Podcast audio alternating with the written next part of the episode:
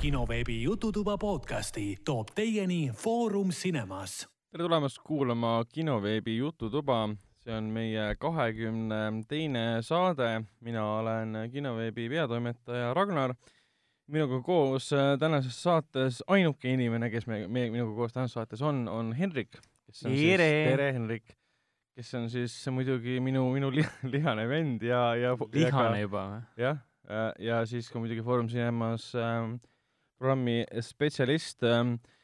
tänane saade on mõnes mõttes nii nagu kõik teised saated, küll aga me saame öelda etteulatuvalt, et järgmine saade, mis linastub nüüd, ilmu-, ilmub siis järgmisel nädalal, kui linastub kinodes Quentin Tarantino üheksas film, see on niisugune väike diiser, on meil teistsugune saade, kus me, me, me ei kasuta tavapärast formaati, sest me räägime ainult äh,, ainult Quentin Tarantino filmidest.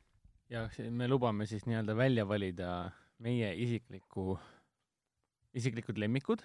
jah yeah.. ja äkki siis suudame ka leida selle ühise nimetaja, millega me mõlemad oleme nõus mis on parim Tarantino film. Nendest no., nendest kaheksast filmist, mis me näinud oleme. jah, tervet seda järgmise saadet ei tasu ära spoilerdada ette juba, aga jah, selles mõttes ainult Tarantinost me räägime. väike diis on ikka mõistlik. Jah, et me muidugi ainult ei vali seal oma lemmik Tarantino filme, vaid me räägime ka Tarantino tegemata jäänud filmidest, tema plaanidest, mis tal on vahepeal olnud, mis pole kunagi vilja, vilja kandnud, temaga seotud filmidest, mida on väga palju tegelikult, mille juures ta on olnud ma ei tea, mis see eestikeelne vaste on, see executive producer. see ei ole nagu, see ei ole see produtsent, kes on nagu filmi või seriaali produtsent. see on see produtsent, kes äh, seostub projektiga läbi selle, et tema ettevõte seda filmi toodab või, või see film põhineb tema enda varasemalt loodud materjalil, on see film või midagi laadset, noh, muidu Tarantino näiteks äh, ei, ei seostaks ennast äh, selliste filmidega nagu Ehas Koiduni kaks ja kolm, mis on ikka totaalsed rämpsud eriti kui sa võrdled seda algupärase filmiga, mida lavastas ähm, Robert Rodriguez äh,, mis oli siis From Dusk Till Dawn, suurepärane film, kus siis Tarantino ise äh, kirjutas stsenaariumi, produtseeris ja, ja mängis ka ühte rolli seal koos äh,, koos George Clooney'ga. et selle filmi tehti jah, teine ja kolmas osa, aga Tarantino on kirjas seal executive producer'ina, aga ta ongi seal sellepärast ainult, et seal olid seotud ettevõtted, kes seda filmi äh, järgisid, siis tootis. aga sellest me räägime juba siis järgmises saates, tänane saade on endiselt äh, tavapärane, kus me räägime siis äh, filmidest, mis me oleme möödunud nädalal vaadanud ja võtame läbi ka siis olulisemad filmiuudised. Aga enne kui lähme filmide juurde, mainime ära, et ähm, kõik äh, kinoveebi Jututoa saated, episoodid, osad on leitavad siis Delfi taskus, SoundCloudis, Apple podcastis, Spotify's, Google podcastis ja suuremas osas kõikides teistes podcasti rakendustes. ja kui te tahate meile või siis mulle ainult või siis Hendrikule või siis Helenile äh, kirjutada või tahate meile nõu anda või anda filmisoovitusi või tahate korrigeerida meie, meie, meie väiteid, mis osutusid valeks näiteks, millest me näiteks ise kohe aru ei saanud, siis alati võite meile kirjutada, joonistada, laulda kõike, mis pähe tuleb äh, meiliaadressil jututuba, et kinoveeb.ee aga selle noodi pealt lähmegi edasi äh, filmide juurde, kõigepealt muidugi need filmid ja seriaalid, mida me vaatasime kodus, on see siis Netflixi, Amazoni, TV Play, Elisa, Telia, mis iganes vahendid on, VHS-id, DVD, Blu-ray'd. ehk siis kõik need, mida me tahame ka oma kallitele kuulajatele kindlasti soovitada ka. jah, täpselt. et kuidas Aa. oma elu rõõmsamaks muuta. no rõõmsamaks on veel palju öeldud, sest Või huvitavaks. mina näiteks olen vaadanud siis Amazon Prime videos olevat uut äh, seriaali, mis nüüd äh, tänase podcasti seisuga nüüd äh, möödunud nädalal alustas äh, selle filmi, seriaali nimi kuusteist juuli algas. täpselt, aa ju-, kuusteist juuli jah mm? -hmm. issand jumal. ei, vabandust, kakskümmend kuus, ma nägin valesti. ahah, nii äh,. selle seriaali nimi on The Boys, see on loodud Erik Kripke poolt, see on sama mees, kes äh, omal ajal lõi äh, siis Supernaturali, mille nüüd viimane hooaeg sel aastal ka ilmub ja kui meil staarid käisid siis hiljuti San Diego Comic-Conide fännide eest nutmas ka, sest see on muidugi väga emotsionaalne. meil sinuga, Hennikuga, meil jäi see seriaal vist seitsmenda hooajas küll pooleli. olgugi, et Supernational ja vendade Winchesteride mm, elu ja perekonnaelu oli meie jaoks ülimalt tähtis, sest see seriaal oli meie jaoks lihtsalt nii hea, nagu see seriaal on Supernatural on sinu ja minu jaoks nagu vana sõbraga kohtumine, sa alati tahad temaga Jaa, vestelda ja juttu rääkida ja aga Erik Ripke oli ka see mees, kes vist oligi kuuendas või seitsmendas hooajas lahkus ma ei kirjutaja. mäleta enam täpselt, äkki oli kuue, jah äkki, oli kuuendast. ta lahkus stsenaristi nagu rollist. ta ei olnud enam seriaali stsenarist ja minu arust sealt äh, algaski selle seriaali nagu kuidas öelda, stsenaariumipõhine allakäik, et teemad kordusid, tekstid kordusid, karakterid ei arenenud enam. Küll aga on Kripke tagasi ja nüüd ta tegi siis uue seriaali nimega The Boys, mis põhineb see siis tegelikult äh, Kaart Ennise samanimelisele koomiksile. Ennis on seesama mees, kes tegi näiteks, kirjutab, no mitte üksi muidugi, tal on kahasse tehtud inimestega muidugi, illustraatorid ja nii edasi, tegi Preacheri, millest on ka Amazonis äh, seriaal olemas. see Preacher ise vist ei olnud ka Amazoni oma, see oli sisse ostetud neile, et see saavad oli näidata. EMC. jah, EMC oma. Preacher on seal ka olemas, et selle tuleb ka nüüd, kui ma ei eksi, nüüd viies ja viimane hooaeg. aga The Boys põhimõtteliselt on ideaalne praegusel ajal. see on superkangelaste seriaal ja see räägib, ma ei taha öelda re-, realistlikul tasandil, ma olen sellest ära vaadanud kaks episoodi praegu ainult. kinoveebis on sellest arvustus olemas ka, mitte minu poolt siis, vaid inimese poolt, kes on äh, kogu seriaali ära vaadanud ja mida ta ka taevani tegelikult kiitis. Et ku- kuna me elame maailmas, kus on nagu MCU olemas ja lõpmatud, lõpmatud uued filmid on tulemas, okei, mitte lõpmatult, viimane kord me rääkisime, et MCU siis, või noh, vabandust, Marveli kinouniversumi neljandasse faasi kuulub viis filmi, viis seriaali, siis, siis kuna see kontekst on niivõrd paksult praegu superkangelasi täis ja see asi ei lõppe niipea ära ka eriti, veel see, et me elame praegu tasujat lõppmängu varjus nii-öelda. et on asi, asi on juba kinodes küll lõpetanud ja juba tulevad kodune, kodune väljalase on juba minu meelest juba väljas äkki või jah?, on väljas. ja, ja aga ometigi me elame selle, selle endgame'i varjus. noh, see on kõige enim teeninud film maailmas nüüd muidugi ka. aga The Boys tuli jah, minu arust tegelikult perfektsel ajal, sest see räägibki kangelastest, aga eelkõige ta räägib äh, korrupeerunud kangelastest. ta räägib äh, raha, ütleme sellise tohutu populaarsuse tõttu korrupeerunud kangelastest ja ta räägib nendest tavalistest inimestest, kes elavad nende superkangelaste varjus. Et sul ongi peategelane Huey, kes kohe esimeses episoodis, see ei ole otseselt spoiler, see on pigem selline motiiv, mis, mis selline ankur, mis paneb selle seriaali nagu tööle. tema juhtub selline asi, et ta on seal oma tüdrukuga väljas ja tema tüdruk sureb, sest äh, ta jääb jalgu ühele superkangelasele, kes teeb parasjagu noh, väidetavalt siis superkangelastele omaseid tegusid. ehk siis me näeme neid inimesi, kes surevad superkangelaste tegude tõttu. et mis juhtub, kui üks kangelane hüppab kuskilt taevast alla, peatab mingisuguse rongi, kus on pahad mingisugused äh, röövlid sees, aga ta peatab selle rongi umbes niimoodi, et see kõik plahvatab. mis siis juhtub, kui see tükid lendavad kuskile majja, inimesed saavad surma? Nendest inimestest kunagi ei räägita, me räägime alati kangelastest, kes päästavad päeva see. on see, see on see kõrval, kuidas eesti keeles öeldakse, kõik see kahju, mis tekib, kui Jah. ülivõimetega olendid või inimesed äh, tegutsevad meie ülitihedas äh, maailmas, meie suurlinnades ja noh see on täiesti paratamatu, et tekivad tohutu suured kahjud, millele suured filmid, Hollywoodi s- publiku sõbralikud filmid üldse ei keskendugi. mingil, mingil määral on seda puudutatud äh, siis, kui Netflix ja Marvel tegid oma seriaale koos äh, Daredevilid ja Jessica Jonesid, Luke Cage'id äh,. jah, ja see Playstationi Networkis alustanud äh, Charlotte Copley seriaal äh, Powers see on ammu nüüd läbi, kui ma ei see on eksi. ammu läbi juba jah, ja seal, see oli ka põhines koomiksiserial ja seal oli ka täpselt sama teema põhimõtteliselt nagu Boys. seal olid jah, politseiuurijad, kes uurisidki superkangelastega seotud äh, kuritegusid. aga ma saan aru, et The Boys on äh, ropp, ülimalt ropp ja vägivaldne mustkomöödia. ülimalt ropp äh,, seksi täis, vägivaldne, ma ei nimetaks seda mustaks komöödiaks, ta on pigem kohati selline, mitte, mis see eestikeelne vaste oleks, see on selline äh, äh, deranged äh, draamaseriaal. ta tundub mõneti nagu oleks ta naljakas, teda reklaamitakse naljakana, nagu mingit Guy Ritchie äh, krimkat põhimõtteliselt, kuna Karl Urban on tegelikult seal nagu põhilises äh, peaosas, tema on see tüüp, kes satub siis äh, otsib Huey üles pärast seda, kui Huey kaotab oma äh, tüdruksõbra äh, kangelase tegude tõttu äh,. see kangelane muidugi ei tunne mitte mingisugust äh, kahetsust, sest ta äh, äh, tema selline, kuidas nüüd öelda, selline organisatsioon äh, Voot äh, Industries, kes siis haldab superkangelasi, see veits nagu meenutab äh, kuidas nüüd öelda, nagu, nagu tasujad oleksid multi äh, tohutu suur korporatsioon, ütleme nii. aga tasujad ei ole nagu äh, tiimina korporatsioon. et ta pigem meenutab sellist äh, One Punch Man, see Netflixis olev seriaal äh,, animeseriaal, seal on ka olemas organisatsioon, mis äh, hindab kangelasi, annab neile ülesandeid, neil on See- olemas see- edetabelid, kui jaa. populaarsed nad on. see kõik meenutab justkui seda, et äh, noh, nii, nii The Boys'is kui ka One Punch Manis äh, see võib ju võrrelda seda sellega, et see on ju vihje, et see on nagu Marvel. Marvel koondab ka järjest aina rohkem äh, superkangelasi enda alla ja rakendab nad Jah. tööle nii-öelda.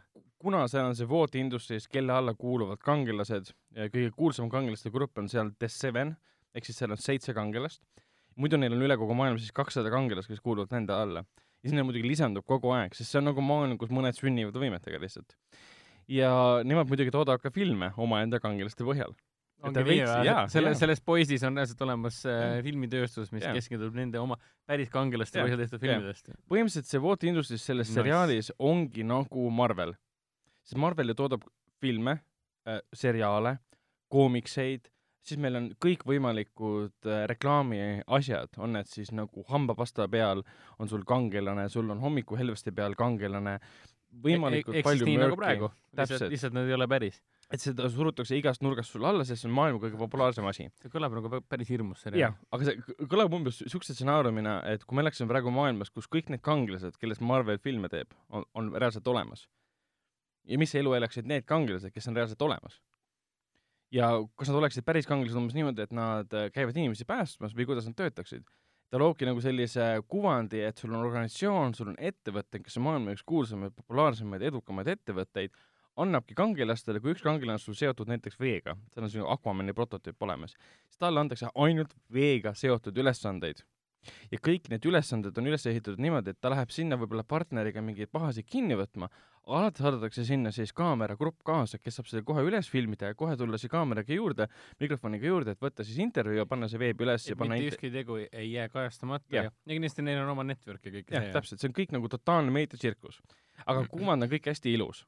Ja seda, ja seda ilusat kuvandit äh, hakkabki siis lammutama Karl Urbani tegelaskuju ja siis Huey põhimõtteliselt, kes kaotas oma tüdruksõbra. tema ei suuda leppida sellega, et põhimõtteliselt Vault Industries üritab ta kinni maksta, et äh, võta siit mingi viissada, kuussada tuhat umbes põhimõtteliselt, et äh, sinu tüdruk ise oli selles süüdi, et ise astus kogemata tee peale, seal on niisugune kangelane nimega A-Train, kes jookseb kiiresti. nagu A-Train või? ta on põhimõtteliselt nagu DC ähm, Mhm. äh, DC Flash ja Marveli siis Quicksilver, ta jookseb väga-väga-väga kiiresti. Ja selline kiireid tüüpe on tegelikult nagu mitu tegelikult. aga Vault Industries ongi see, et nad varjavadki absoluutselt seda, millega nende kangelased tegelikult tegevad, tegelevad. tegelikult nad käivad seal kahtlastes baarides, aelevad ringi, tarbivad narkootikume, kulutavad meeletult oma raha ja tegelikult nad ei ole nagu reaalsed kangelased, jah, neid kasutatakse siis, kui mingi päris terroristid ründavad, aga nad ei käi tänavatel patrullimas, nad eh, ei jälgi, kas kuskil midagi, kedagi rünnatakse, nad ongi nagu korporatiivsel tasandil juhitud kangelased, keda kasutatakse ainult siis, kui neid saab filmida ja üles jäädvustada ja selle pealt raha teenida. ja Karl Urbani tegelaskuju, ma tajun, et eh, tal on mingisugune eh, kurb eh, taak, siin on väga, see, see ei ole isegi väga subtle selle koha pealt, esimeses osas olla väga kuidas nüüd öelda, ilmselgelt välja mängitud, et tal on minevikus juhtunud mingisugune traagika. mingi asi, mis teda väga tugevalt mõjutanud on. Jah. ja see oli nagu nii vastu nina stiilis ette mängitud. Et ma ei tea, kas ma ütlen selle välja, pigem ei ütle, inimesed vaatavad ise, saavad sellest aru. aga vastu, vastu nina selles mõttes, et nagu hästi otseselt välja öeldud või? ei, no mitte otseselt, jõu, tal no- on, tal on raske minevik või? kuna Urme il- ilmub välja siis äh, selle, Urme tegelaskuju ilmub välja Huey juurde pärast seda, kui ta on oma tüt-, selle äh, tütre ähm,, tüdruksõbra nagu ära lõinanud, ilmub tema juurde, pakub talle võimalust nagu kätte maksta. ja siis ühel hetkel sõidavad koos autoga, siis äh, Huey vaatab auto siis tagaistmele, näeb seal nagu mänguasju, mis tunduvad olevat nagu koera mänguasjad, siis tüüp nagu küsib ka, kuule, kas sul on koer või? siis tüüp ütleb ei mina võtsin sellest kohe, ma ei tea seda, kuna ma olen ainult kaks episoodi vaadanud, mina võtsin sellest kohe kinni, aa, tal on kindlasti oli väike tüdruk ähm,, tütar, kes ära suri ära põhimõtteliselt mõne kangelase mõtlematu teo tõttu. et kangelane võis küll päästa mingisugused pahad või hävitada mingid pahad maja otsas, aga võib-olla lammutas maja, mille tükid langesid tänavale ja tapsid inimesi. ehk siis suht sama, mis Batman versus Supermani algus jah, jah. et miks, miks Ben Affleck ja Batman nii äh, pissed off oli kogu aeg. ja põhimõtteliselt see Vault Industries ongi see, kes matab kõik selle meediaga ära, mis puudutab kõrvalkahjusid äh,, inimesed, kes saavad surma superkangelase tõttu, peidab selle kõik ära. et sellest kunagi ei räägita. ja siis see Karl Urbani tegelaskuju ja siis Huey, kes kaotas oma tüdruksõbra, üritavadki seda asja lammutama hakata. aga neil on nagu võimatu ülesanne. Nad üritavad tappa kangelasi, kes on ula, noh, ula peal väljas, kes on lihtsalt halvad kangelased, keda kõik armastavad. kes on ülivõimsad. Neid on ju väga keeruline tappa. kuidas sa, kuidas sa neid tapad? ja seal on aga esi- kas see läheb ikka mõrvana alla siis või? jah, jah, jah. okei, okei. nagu sa mõtled, see seriaal on Nad ei ole ju sanktsioneeritud ega midagi. ei, ei, ei, puhas vigilanti ei, jah, täpselt. ei põhimõtteliselt Urban Telesku ütleb küll, et teda nagu palgatakse tihtipeale kõrgete inimeste poolt või siis tavaliste inimeste poolt, kes tahavad kättemaksu ja tema leiutab oma meeskonnaga, see ongi The Boys, meeskonnaga viisi, kuidas neid kangelasi tappa. Et seal ongi see, et nad võtavad nähtamatu tüübi kinni, kellel on mingi purustamatu nahk, kuidas sa teda tapad? Ja kogu esimese episoodi üritavad leida seda katsetavad, lähevad seal mingi puuriga tõmbavad ja puurivad talle sisse ja see ei lähe läbi naha, sest tema na-, ta ei ole, ta ei ole nähtamatu, tema nahk ähm, äh, muutub mingiks materjaliks, mis peegeldab valgust niimoodi, et ta oleks nagu nähtamatu. ja nad ei suuda teda ära tappa, ühel hetkel nad leiavad selle viisi küll. ehk siis äh, ülejäänud episoodides, kokku vist ongi vist kümme episoodi vist oli kokku, me näeme jällegi, kuidas nad üritavad tappa äh, neid kangelasi, aga see on õigustatud ühelt poolt selle koha pealt tapmine, et need on kangelased, keda Walt Industries ehk siis ma, ütleme meie siis maailm Marvel või siis Disney esitleb kui maailma kõige olulisemad kangelased, kes päästavad kõiki, kõik on rõõmsad. ja sponsoreerib neid Jah. ette ja taha, aga Jah. tegelikult nad on rämedad sadistid ja kuradi hullumeelsed. Te- tegelikult on hullumeelsed sadistid, kes kasutavad oma võimeid ära ükskõik millal, ükskõik kuidas. See kõlab väga nad ei hästi. hooli inimeludest absoluutselt. see kõlab ja, väga ja, ja põnevalt. kuna Urbani tegelaskuju ja tema meeskond teab seda, siis võtavadki need tüübid kinni. ja see on põhiline tüüp, kes on kõige selle The Seven, see on see antud juhul nagu selline, kuidas öelda, tasujate äh, prototüüp, seal on Homelander, niisugune kangelane nagu Captain America või? äh,. Mi-, ei, mitte Kapten Ameerika, ta on nagu su Superman ja Kapten Ameerika kokku pandud.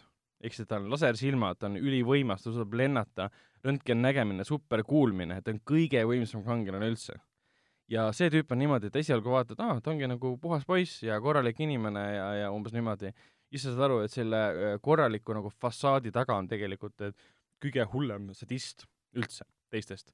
kui teised on lihtsalt mingisugused nümfomaanid ja värdjad ja täiesti uskumatud sead, siis tema on tohutu, tohutu, tohutu, tohutu sadist, et ta on valmis kõike tegema, et oma ähm, meeskonda kaitsta, iseennast kaitsta muidugi eelkõige ja tal on seal erinevad huvialad ka.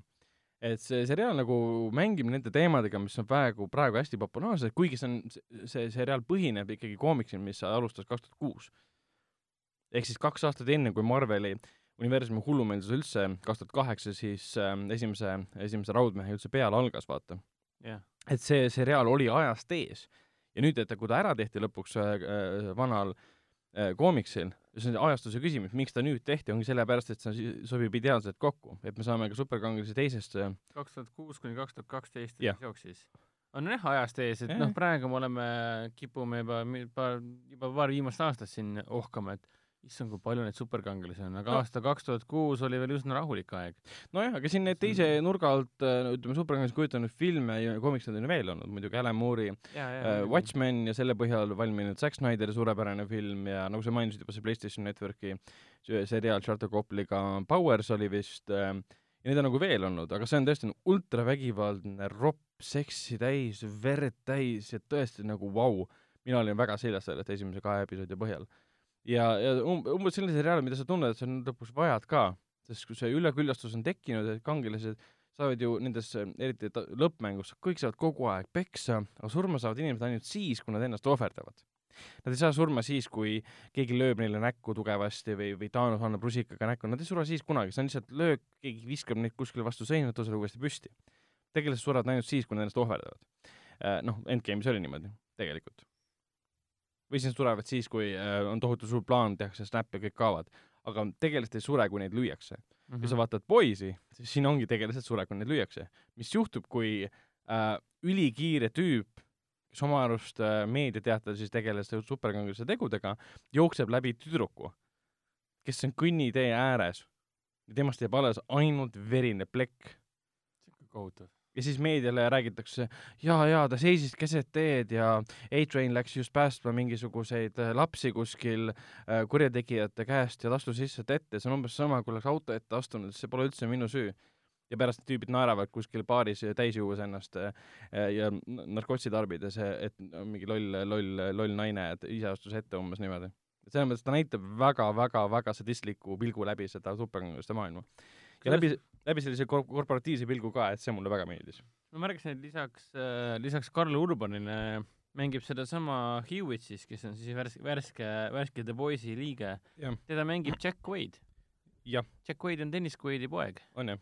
jaa, ja Jack Quaid mängib ka sellel nädalal äh, Foorum Cinemas kinodes äh, alustavas äh, küllaltki kõrgel, kõrg-, kriitikute poolt küllaltki kõrgelt äh, hin- hinnangutega vastu võetud romantilisest komöödiast nimega äh, Kutse kahele inglise keeles Plus One. aa, ta ongi see, ta on üks, üks, üks, seal on two leads nii-öelda, kaks peategelast äh, ja, ja Jack Wade on täitsa olemas seal No täitsa äh, huvitav seos, et äh, praegu alga-, algas korraga nii-öelda nii, nii üks romantiline komöödia kui ka siis äh, The Boys. ei ta on väga sümpaatne seal ähm, seriaalis ka, aga see ongi nagu kuulajatel-vaatajatel võimalus näha teda väga erinevates äh, nagu rollides, üks on romantiline komöödia, üks on hullumeelne, hullumeelsusest nõretav äh, superkangelaste seriaal, mis on Amazon jah, Prime videos olemas, et seal vist esimene kuu oli tasuta ja muidu tuleb maksta selle eest vist oli mingi kaheksa-üheksa eurot kuus või midagi laadset. esimese kuu asi vist minu teada ei, ei ole muutunud vahepeal. ei, ei, ma ei, ma ei mäleta täpselt ka, ma olen nii pikalt selle eest maksnud ja nii vähe asju vaadanud tegelikult sealt. aga vähemalt on hea, et kohe tuleb mingi uus värske äge seriaal ja siis mingi aa, mul on Amazon Prime'i konto olemas ju. nojah, ega tegelikult Amazon sisse ja vaatad ära. Prime videost võib midagi vaadata ei ole filmide koha pealt, needsamad filmid, mis seal on olemas Netflixis või kui need ei no ole, nende oma toodang on see, mis kõige huvitavam täpselt, nende oma toodang, et seal on see Good Omen, seal on see Hanna, seal on see Jack Ryan äh,, John Krasinskiga suurepärane minu arust seriaal. kas äh, see äh, Neil Gaimani see seriaal, mis oli Good enne, en, enne Good Omensit? Electric Dreams, ei, mida sa ei, mõtled? ei see, issand jumal, tead küll.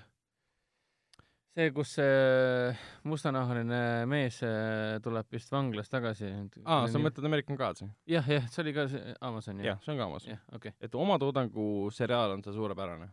kohati isegi selekteeritum ja huvitavam kui Netflixil. Netflixil vahepeal läks see kvantiteet ja kvaliteet üsna segamini, mulle tundus, et äh, sealt on nagu raskem leida kvaliteeti selle muu äh, hunniku hulgast ähm,. igatahes see on minu äh, ütleme niisiis kodused vaatamised ongi ainult The Boys, rohkem ma midagi vaadata pole jõudnud, küll aga olen kinos käinud, aga enne kui sinna lähme, räägib meile Hendrik, mis on tema vaadanud. ma vaatan, sul on üks äh, seriaal ja üks film. Äh, jah, äkki ma alustan siis äh, filmist, et äh, üle-eelmises saates, kui ma nüüd ei eksi, mainisin, et vaatasin, vaatasin äh, pagana, pagana telekanalis see nüüd jookseb, TV6? TV6 äkki jah. mul lähevad telekanalid alati sassi, sest ma nagu kodus seal nagu selle Telia kordusvaatamisega ju no ma täiesti suvaliselt vahetan kanaleid, et vaadata, kas, kuna te- Eesti telekanaleid ausalt öeldes, nad ei näita enam eriti üldse filme. ja kui näitavad, siis need on mingil üksteist öösel ja siis normaalne inimene mingi okei okay,, ma vist pean ikkagi lisa maksma, et seda kordusvaatamisega midagi teha. et noh, on ju tegelikult, et see kordusvaatamise lisa ei ole ka nüüd nii ei ole jah hullu, aga muidu muidu ol- olid ajad, kui seal, oi, kell pool üheksa algab see film, terve pere istus maha, nüüd on see, et oi, kell pool kaksteist hakkab see uus film, ma lähen magama. aga mõni film ikka on ju normaalsel ajal. on ikka, aga üldjuhul nad on küllaltki hilja, et isegi mina vaatan kell kümme äh,. ma lähen magama, täna on teisipäev, ma olen väsinud, täna oli pikk tööpäev tõesti. nii hilja küll ei jaksaks, see ongi se- sellepärast sa võtadki nagu Netflixi, Amazon Prime'i video ette või mis iganes ette, võtad sealt ühe seriaali, mis aga samas. Telial on ju tore see, et eh, Telia on ju äh, äpis ka olemas ja Minu tv ja Telia on ju Telia, selles mõttes, et minu elu on Teli, Teli, Telia, Telia televisiooniga nagu jumala ilus, Telia paketiga, selles mõttes, et ma vaatan odu, oma kodune nii-öelda Netflix või Amazon mm -hmm. Prime. Selles mõttes, et ma ei vaata mitte midagi otse tavaliselt, ma vaatan isegi Aktuaalset Kaamerat kell üksteist õhtul uuesti, et see on jah, et nagu saada teada, mismoodi Eestis elu käib. vaatad aga- tänaseid uudiseid homme. homsed uudised Aa.. tun-tun-tun. Äh, aga siis ma jätkasin Harry Potteri lainel, et teise osa Saladuste kambri ma vaatasin ka ära, üle-eelmises saates sellest, sellest rääkisin ja siis oli ühel kenal õhtul vaatasin, et äh, ma ei tea, mis päeviti nad näitavad, et äkki ongi nädalavahetuseti või? mis me tegime nädalavahetusel, olime ära kuskil või? Kuskil linnast väljas, ma ei mäleta enam. okei um,.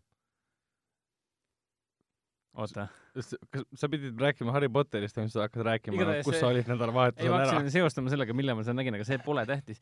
igatahes Harry Potter neli, kolmas jäi vahele, kolmandat ma olen ikka elus väga palju näinud. me olime Intsikurmul. me olime Intsikurmul jaa, sul on õigus jaa. minu meelest oligi äkki siis pühapäeva õhtul äh, jooksis äh, Intsikurmult tagasi tulles vaatasin, et oh, Harry Potter neli äh,, see on siis äh, Briti režissööri, noh, kõik on britid, kes kunagi on äh, selle Harry Potteri äh, filmidega seotud ja Mike Neville lavastas siis neljanda osa Novell, eks. tema jaa. uus film tuleb nüüd ju Eesti kinodesse, küll aga Artises vi- vist ainult linastub. see on hästi Aa, kummalise jaa, see- pika see- pealkirjaga film, kus äh, mängib ka seesama äh, naisnäitleja, kes mängis Lily James nüüd äh, eile veel äh, Yesterday filmis, see on oli Lily Kur- Jamesi Kur- Kurnsey kirjandus- ja kartulikoore piruka selts on Jaa. filmi nimi. The Guernsey Literary and Potato Peel Bias Society jaa, See- teile järgi see tundus jah, väga algas- tore, tore film olevat. ja seal mängib ju kõrvalosas seesamune äh, Haunting of Hill House'i ja Troonide mängu äh, staar,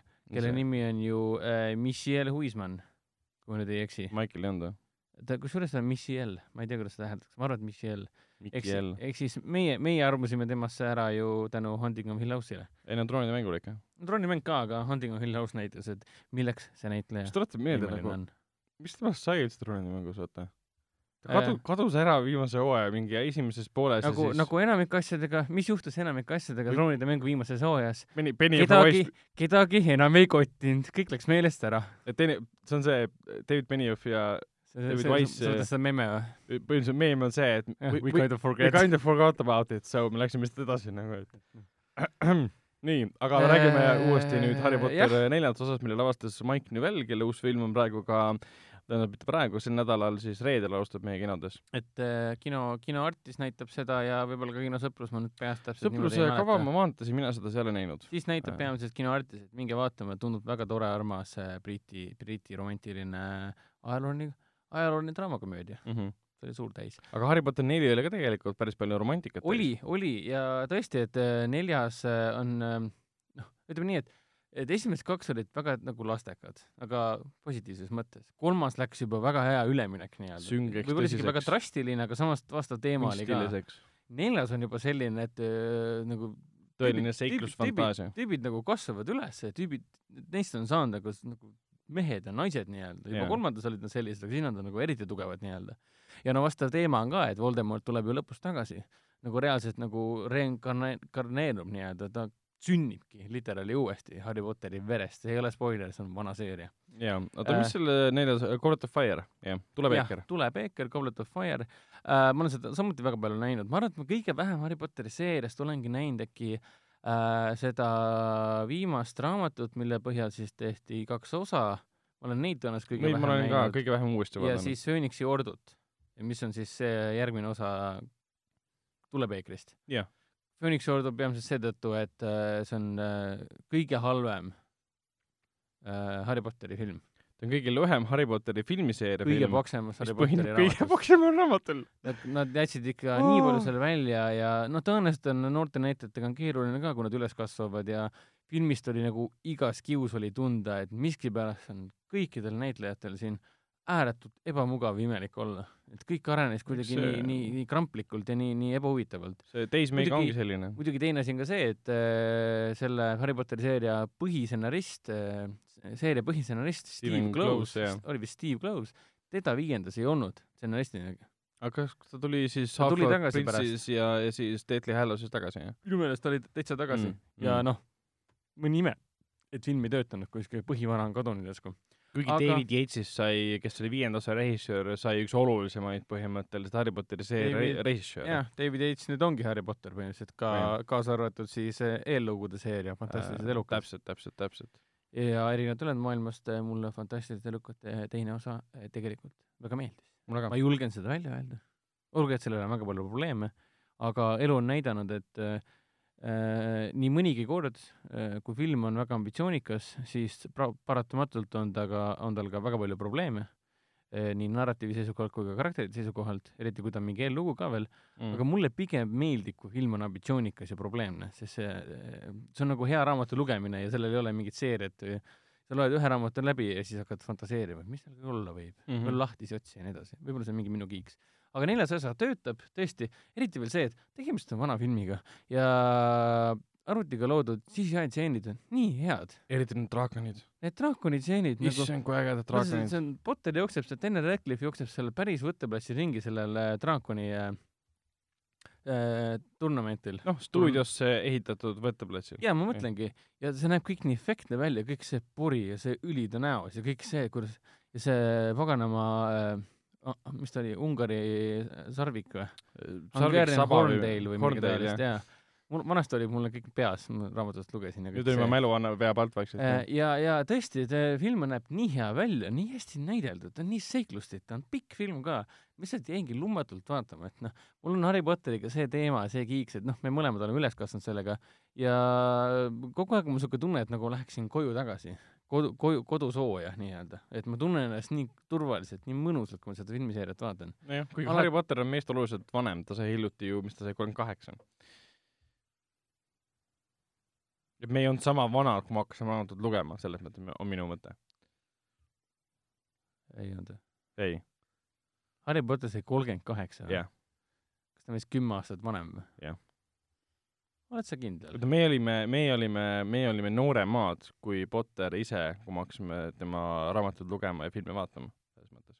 aa, seda küll jah, seda küll jah. aga, vabandust. Et me ei olnud nagu, minu point on see, et me ei olnud üheksa-aastased, kui me hakkasime seda raamatut lugema ei. seda küll. aga ega ma Harry me olime, Potteri, me olime kümme aastat va- vanemad võib-olla. Mitte ma Harry- päris kümme, aga. ega ma Harry Potteri rohkem ei keskendu, sest noh, vana film ja kõik on näinud, aga lihtsalt tahaks kiita, et äh, kui on plaanis kõik episoodid uuesti ära vaadata, siis äh, kui teile mälu ütleb, et ah, need filmid olid laste fantaasia, siis tasub kindlasti ette võtta, et kui teis peitub ikkagi äh, fantastiliste filmide fantaasia ja seikluse ja, ja, ja filmi, filmipisik nii-öelda. Mm., siis see, on suur filmikunst ja kogu see seeria on suur filmikunst, et see töö, mis on läinud, see detailsus, see vaev, see higi, mis on läinud selle maailma ülesloomise jaoks, et nüüd on lihtne, et siin äh,, siin Kapten Ameerikad ja, ja Hulgid jooksevad rohelisel taustal ja, ja kõik on äh, arvutiga genereeritud, aga, aga vanasti oli hoopis kõik teised asjad, et sul tehti minimaketid, kõik oli valmis, see loss oli kohati peaaegu igas episoodis Mm. oli makettidega tehtud ja siis kaameraga lennati sealt üle tundub kaugelt, et nagu siis jah, ei ole, see on makett hoopis, et noh, see alati ei pruukinud niimoodi olla igas episoodis. aga lihtsalt, kui sind ähm,, sind, sulle meeldib näha, kuidas on filmikunstiliselt väga suure vaevaga midagi loodud, siis Harry Potteri seeria on perfektne asi, mida vaadata. Aga kas oskad vastata küsimusele, miks äh,, miks Harry Potter neljas, see draakon näiteks äh,, miks äh, troonide mängu draakonid ja üldse enamus filmide draakonid näevad nii head välja? miks nad näevad head välja Jah, või? jah. see on mingi trikiga küsimus või? ei ole, see on äh, ühel, ühel uurimustööl see põhineb, mida tehti ühe konkreetse filmi jaoks. seda uurimustööd tehti sellise filmi jaoks nagu Reign of Fire, tulelinn, mäletan. mis kaks tuhat algust ta linastus, Rob Bowmani oma, peaosas äh, Kristen Bale ja äh, Matthew McConaughey, Gerard Butler olid ka seal. Rob Bowman oli, oli see filmi reisija, see on sama mees, kes tegi siis ähm, esimese selle salatoimikute pika filmi, mis oli päris hea. kaks tuhat kaks jah. aga ma lugesin äh, kunagi ühte artiklit, kus tehti siis intervjuu või noh, vestlus äh, sama inimese, inimestega, kes siis Reign of Fire'i draakoneid põhimõtteliselt uurisid. Ja tuleb välja, et see töö, mida nad selle alla panid, kuidas need draakonid seal kujutada, see on kõik hiljem kasutust leidnud kõikides hilisemates filmides, kus kujutavad draakonid ja lohesid ja kõike seda. puhtalt sellepärast, et tüübid uurisid välja, kui draakonid oleksid reaalsed, kuidas nende lihased liiguksid, kuidas nende nahavärvid tegelikult või soomuse värvid välja näeksid, kuidas hambad tegelikult oleksid, kui nad oleksid füüsilised, reaalsed hingavad ehk organismid siis. see töö, mis pandi Rob Bowmani Reign Jah. of Fire'i alla Jah., on mõjutanud kõikide draakonite kujutamist kinolinadel Jah. pärast, pärast seda kahe tuhande teist aastat. sest see oli ikka kaks tuhat kaks aasta film, eks, ja, ja toona nagu eri-, arvutiefekte seal kasutati küll, kuigi see arvutiefektidega loodud siis äh, draakoneid kujutati pigem läbi tossu või suitsu sai näidud neid konkreetselt ja kui nad maa peal liikusid, siis enamjaolt kasutati praktiliselt loodud ähm, draakoneid, küll aga segu siis muidugi arvuti loodud äh, versioonidest ja nägid tõesti väga head välja. ja minu arust see ma- film on niisugune unus-, unustatud pärl, et on siiamaani suurepärane.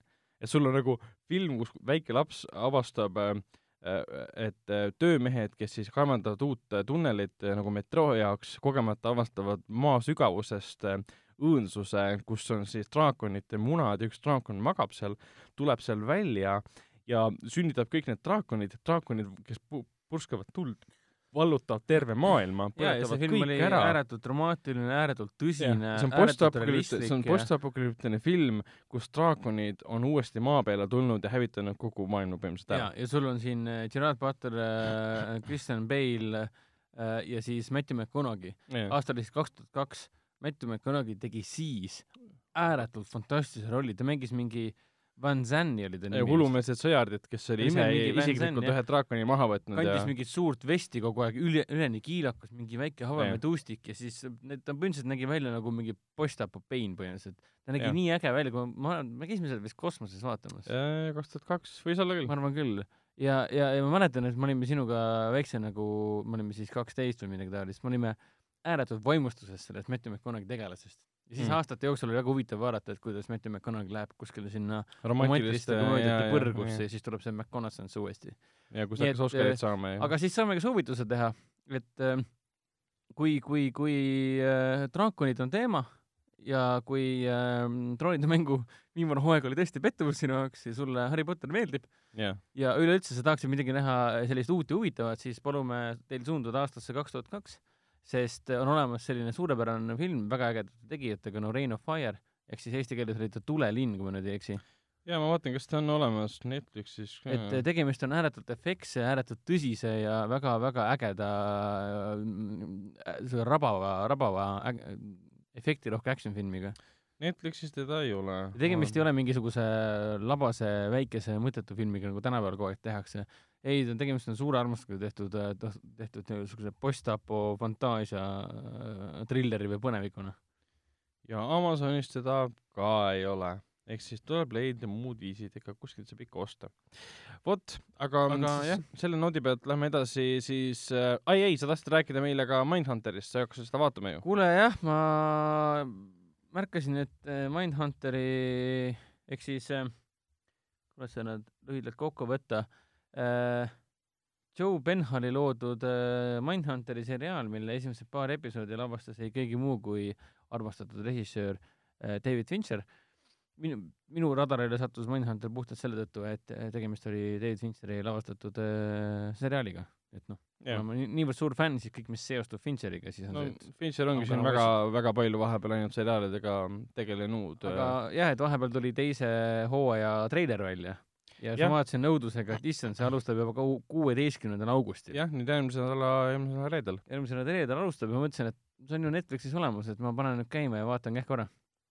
et äh, esimesed äh, kaks episoodi vaatasin ära äh,, teine episood jäi tegelikult pooleli seal, kus äh, meie peategelane Holden suhtles äh,, dialoogitses äh, Ed Kemperiga, selle väga karismaatilise ja võimuka, võimuka mõrtsukaga. Aga sarja puhul mind üllatas kõige enam see, et äh, noh, ega ma eriti väga palju ei tea, ma tean seda, et ta keskendub äh, kuulsatele sarimõrtsukatele äh, päris elust nii-öelda mm. -hmm. tegemist on siis, mis aasta nüüd seal oli, seitsekümmend seitse on siis esimene hooaeg leidis aset aastal seitsekümmend seitse, see on siis äh, suhteliselt pärast seda, kui Charles Manson võttis kätte ja tappis inimese ja pandi vangi. Mhm. Mansonit mainitakse ka päris tihti, samas ta keskendub ka teistele, teistele mm, vähem tuntud ja tuntud äh, mõrtsukatele. aga mind kõige rohkem üllatas see, et ma arvasin, et tegemist on rohkem sellise Brian Fulleri äh, Hannibali stiilis äh, sarjaga, kus siis peategelane on niisugune ähm, kuidas seda nüüd öelda, psühholoogiliselt raske minevikuga ja, äh, ja ta on hästi tõsine tüüp ja umbes nagu Will Graham äh, seal Hannibalis, aga siis ma hakkasin vaatama, mõtlesin, et issand jumal, see Holden tüüp, FBI agent, kes on reaalselt väga-väga huvitatud mõrtsukatest ja miks nad midagi teevad, et kogu seriaal räägibki sellest. seitsmekümne seitsmendal aastal justkui sai alguse see nii-öelda suunitlus, et äh, enam me, me ei saa lihtsalt äh, teist põske pöörata ja paneme mõrtsukad vangi mm.. on aeg hakata mõistma neid, miks nad midagi teevad ja mida me saame eelduseks ära teha, et seda rohkem ei juhtuks. jah, no põhimõtteliselt see ongi ju sellest kogu see seriaal, et kuidas loodi süsteem äh,, kuidas loodi dokumentatsioon, kuidas loodi kõik need viisid ja märgid, kuidas sa tunned ära sarimõrvari ja kuidas sa avastad äh, seosed sarimõrvarite vahel, miks nad sünnivad, kriminaal, kriminaalpsühholoogia, et kuidas mõista Täpselt. Täpselt. vaenlast nii-öelda, miks ta midagi teeb, mis paneb teda tiksuma. ja, ja lõpus tahangi jõuda sellele, et peategelane üllatas mind sellega, et tegemist on niisuguse kohati päris naiivse, niisuguse humoorika, imeliku tüübiga kohati. Samas väga intelligentse. ta on väga intelligentne küll, aga mind kõige rohkem üllatas see, et ta on niisugune kohati niisugune väga ärevil ja äh, õpihimuline ja uudishimulik ja siis ta on hästi tõsine ja nii edasi. et see mind tõmbas selle sarja juures kõige rohkem, et ta nagu, peategelane meenutas mind nagu, sest ma olen justkui temaga samal pardal. et ma ei õpi peategelast nii väga uuesti nullist tundma, vaid ta justkui samastub äh, publikuga väga hästi, sest noh, ta on sama uudishimulik selle sarja ja temaatika suhtes mm. kui ta keskmine publiku liige, ehk siis nagu mina. Et äh, väga lahe seriaal, kohe näed, Fincher lavastanud äh, minu meelest ta kõike ei lavastanud, ta lavastas siin esimesed paar esimesed episoodi. äh, kaks või kolm äh, episoodi oli tema poolt. ja siin äh, kõrvalosas on ka meie armastatud äh, Eesti sugulusega, Eesti, Eesti sugulane Anna Torv, keda me kõik nautisime siin sellises toredas pikalt jooksnud seriaalis nagu Fringe. mis ta eesti keeles ülisalajane. ülisalajane, jaa. see oli ka meie lemmik, mida me kooli ajal ikka vaatasime ta astus üles ka mm, Pacificus, mis oli siis selle Band of Brothersi nagu järg äh, ähm, Spielbergi ja Tom Hanks'i poolt, siis ta astus üles ka mingis ühes Netflixis olevas seriaalis mingi, mis see nimi oli, Secret City või midagi laadset. ta on üsna populaarne Austraalia näitleja, aga tal on vist äh, vanaisa või vanaonu on siis eestlane jah, et sealt see seos tuleb, aga Mindhunteri kohta ma ütleks täpselt nii palju, et äh, ta on väga rõve ja kohutav seriaal. see on nagu selge ta räägib on. rõvedatest kohutavatest inimestest. ja ta võtab ennast väga tõsiselt, selles mõttes see ei ole mingi naljaseriaal. jah, et see ei ole nagu lastele ega midagi laadset, see on täiesti kindel, et see ka näitab, mida üks inimene võib, kuna need kõik põhinevad reaalsetel mõrvaritel, hullumeelsetel inimestel, siis ta näitab sulle väga selgelt ära, kuhu võib inimene nagu välja minna.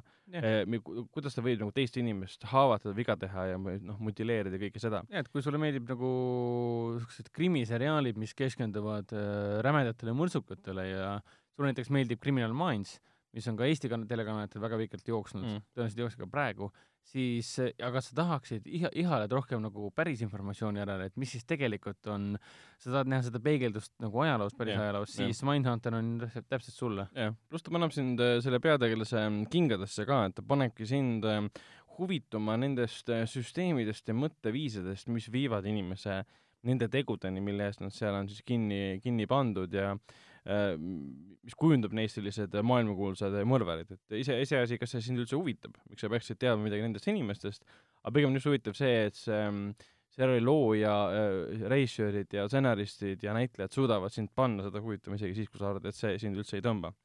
et selle teine hooaeg jah, kuusteist august nüüd alustab Netflixis äh,, jõua ära oodata, võiks öelda selle kohta.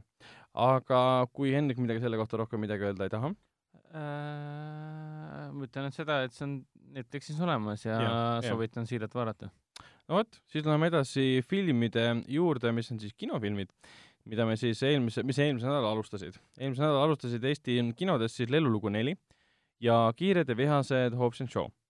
meie vaatasime neist ära muidugi siis Lellulugu nelja, Lelluloo nelja tähendab eesti keel äh,, Kiired ja vihased Hobbs and Shaw mis, millest me rääkisime tegelikult juba eelmises saates, kui meil oli külas ähm, Õhtulehe filmisaate Duubel saatejuht, äh, saatejuht Sten Koolman. sellest sai pikalt ja laialt räägitud, see oli meie kahekümne esimene saade, et selle võite üles leida ja kuulata meie arvamusi sealt, et uuesti me ei ole seda vahepeal vaadanud, aga endiselt ütleme, et suurepärane film. ja lisaks ähm, äh, sel nädalal tegelikult alustab ähm, ka Hirmsad lood, mida pimedas rääkida, ehk siis Scary Stories või To tell in the dark ehk siis me räägime jällegi ette ära juba filmist, äh, mis alustab sel nädalal, kui saade tuleb välja. Äh, lellulugu neli kõigepealt. me vaatasime seda nüüd ähm, kahekesi, jah, ei, me vaatasime seda kolmekesi ähm, koos ühe kolmanda äh, tuttavaga, kes siis ütleme niimoodi, et ähm, päris mitme stseeni ajal siis kippus kippus pisarad valama ka. minul seda, minul seda nii palju ei tekkinud küll küll aga Lellulugu neli äh, või noh, üldse Lelulugu, Lelulus seeria ongi täpselt selline väga emotsionaalne seeria, et võib-olla esimese ja, ja teise osa puhul niisugust seost mul isiklikult pole, aga see kolmas osa, ma mäletan, suutis mind ikka noh, emotsionaalselt reageerima panna, kuna ta see oli ikka eepiline finaal ja see oligi yeah. mõeldud, et kõikide südameniitide tõmbamiseks korraga ja sa tõesti tundsid, et jah, ma nutan. jah, aga kuna noh, Pixar on nüüd ammu juba Disney oma ja Disney tundis, et on aeg neljandaks osaks, uueks peatükiks nii-öelda, uuest triloogiaks isegi võib-olla äh,, siin on ka uus režissöör, äh, John Lasseter ja vahepeal oli siin äh, üks, üks teine režissöör ka, kes neid äh, algupärast kolm osa tegi, enam tagasi ei ole, aga süda on, või noh, see, jah, süda on endiselt sama koha peal, et ta, ta kordab täpselt neid samu teemasid, mitte halvas mõttes, aga ta kordab neid samu teemasid, kuskil noh, kuulumistunne, kuhu sa tahad kuuluda, kuhu sa, kuhu sa võid kuuluda, aru saada, kuhu sa võiksid oma elus jõuda ja kõik sellised teemad on olemas. samas on täiesti lastefilm, see räägib nukkudest, kes teevad nalja, teevad naljakaid nägusid, naljakaid tegusid, naljakad seiklused. samal ajal on siin väga sellise, kuidas nüüd öelda, universaalsed teemad, et me kõik tahame kuskile kuuluda ja kui me arvame, et see koht, kus ma praegu elus olen, on ainus koht, kuhu ma saan olla, siis sinna ma ka jään aga kui su elus tulevad teised võimalused ette, mis pakuvad sulle, et sa võid nüüd edasi liikuda, siis tegelikult see, kus sa oled, ei anna sulle enam mitte midagi juurde, aga sa ei taha sealt liikuda, sest see on mugav siis see film nagu näitab ka seda, et mõnikord sa võidki nagu asjadest su elus lahti öelda, kui sa oled kõik nagu ammendanud seal. jah, kui sa oled pikka aega tegelenud ainult ühe asjaga, sa oled selle andnud kogu oma higi ja vere ja südame Täpselt. ja sa võidki, võidki sealt edasi liikuda. ühel hetkel on see, et sa oled oma missiooni täitnud. täpselt, ja alustada uut peatükki. avasta uut seiklust nii-öelda. samamoodi ta arutab ka seda teemat, et kuna need nukud on ju vanad juba, et tõesti mm -hmm. nagu mõned isegi kuuluvad nagu nagu antiiksed nukud. see, see oli täitsa teema siin, et Täpselt. on, on aeg teid juba siin riiulisse panna, sest kui sa, noh, kui sa paned, kui sa paned selle nagu inimlikku konteksti, e, et kui see nukk on nagu väga vana, siis inimene võib ka olla ju vana, ta võib olla ka kuuekümne aastane, et kas mul on enam kuskile oma noh, eluga edasi minna, kas ma jään sinna mugavustsooni, kus ma olen olnud? Ja film näitab tegelikult jah, sa võid pöörata uue lehekülje ka, ka kõrges eas, noh, need teemad käivad läbi, et see mulle Pixari filmide juures meeldib, kui nad võivad rääkida väikestest ähm, äh, sipelgatest või siis ähm, kaladest, kes unustavad asju või muretsevad oma poegade pärast või nad räägivad mingit nukkudest, kes ärkavad ellu siis, kui inimesed ei vaata. aga ikka käivad siin südamlikud äh, teemad läbi, mis äh, hoiavad siin ja nagu tegelaste juures. ei ole vahet, kas need on nukud või kalad või, või mis iganes Pixar välja mõtleb, et kõik on või autod või lennukid, et noh. iseasi, kas seda neljandat osa nüüd vaja oli, sellest kolmas osa oli väga lõplik. Aga neljas osa ei, nagu ei röövi midagi selle kolmanda osa lõpu, kuidas on ta, emotsionaalsusest ole lõpetatud, kuigi tunne jäi küll sisse seda, seda neljandat vaadates, et mulle meeldis selle, nende tegelastega äh, taas kohtuda, aga kohati tekkis see tunne, et nagu et, et see õpetamine, see finaal juba tehti ära kolmandaga. et ma justkui nagu vaatan justkui finaali ülejääki, et või siis nagu uut versiooni kolmanda osast nii-öelda et kohati selline tunne, et noh, vägisi tekkis ka see õel tunne, et noh, järelikult Disney ütles, et äh, meil on rohkem raha vaja, et hakake kirjutama. No kas ta just seda, aga pigem ta on tehtud jah, et jätkame vana asja, aga loome ta uue põlvkonna eh, jaoks eh, kuna seekord on sellisem, kuidas öelda, individuaalsem film ka, et sul Woody ehk siis Cowboy ehk siis Tom Hanks, kes annab talle hääle, eestikeelses versioonis ma praegu ei mäleta, kes talle hääle andis, tema on nagu selle neljanda filmi keskel. Et kui varasemalt need filmid on olnud kõik meeskonnafilmid, et sul on kõik need Tyrannosaurus Rex ja siis teised kauboid ja siis need erinevad nukud on kõik nagu ühes meeskonnas alati koos seigelnud, seiklenud, siis nüüd seda nagu ei ole. nüüd on Woody see, kes leiab ennast, nagu tema mõnes mõttes karakteri lugu. Jaa, Woody, Woody ja Bo Peep. põhimõtteliselt on, muidugi Luffy ka. no Luffy ka uh,. mis ta, Forky? Forky, Bo Peep ja, ja Woody. jah et äh, selles mõttes ta, ta ei tundugi enam selline suurejooneline e, e, film ähm, Toy Story seeriast, ta tundub pigem sellise kõrvalloona, kuigi ta on põhiseeria nagu tähisega. aga see minu arust nagu oligi nagu hea, et ta ei üritanud äh, kuidagi jätkata kolmanda osa teemasid, vaid lihtsalt võttis oma teema juba ette.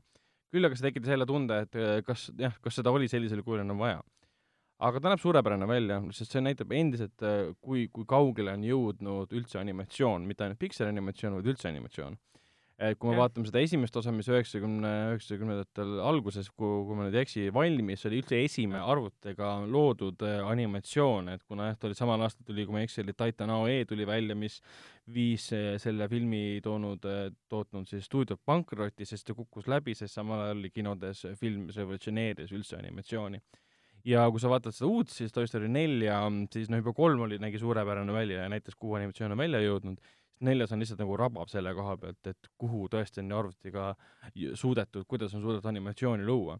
et samal ajal siin, noh, näiteks mulle meenus seda filmi vaadates ka see, et et samal ajal, kuidas võttis ära äh, klassikaliselt animatsioonilt, Disney animatsioonilt töö, arvutianimatsioon kui me räägime klassikalisest animatsioonist nagu see Aarete planeet, ähm, Titan AE ja kõik need varasemad Disney omad, siis samamoodi tulevikus võtab äh, põhimõtteliselt töö ära äh, motion capture, mitte motion capture, vaid äh, issand jumal, mis see, mis see äh, oota, Kuubo äh, filmi tootjad, eks, Laika.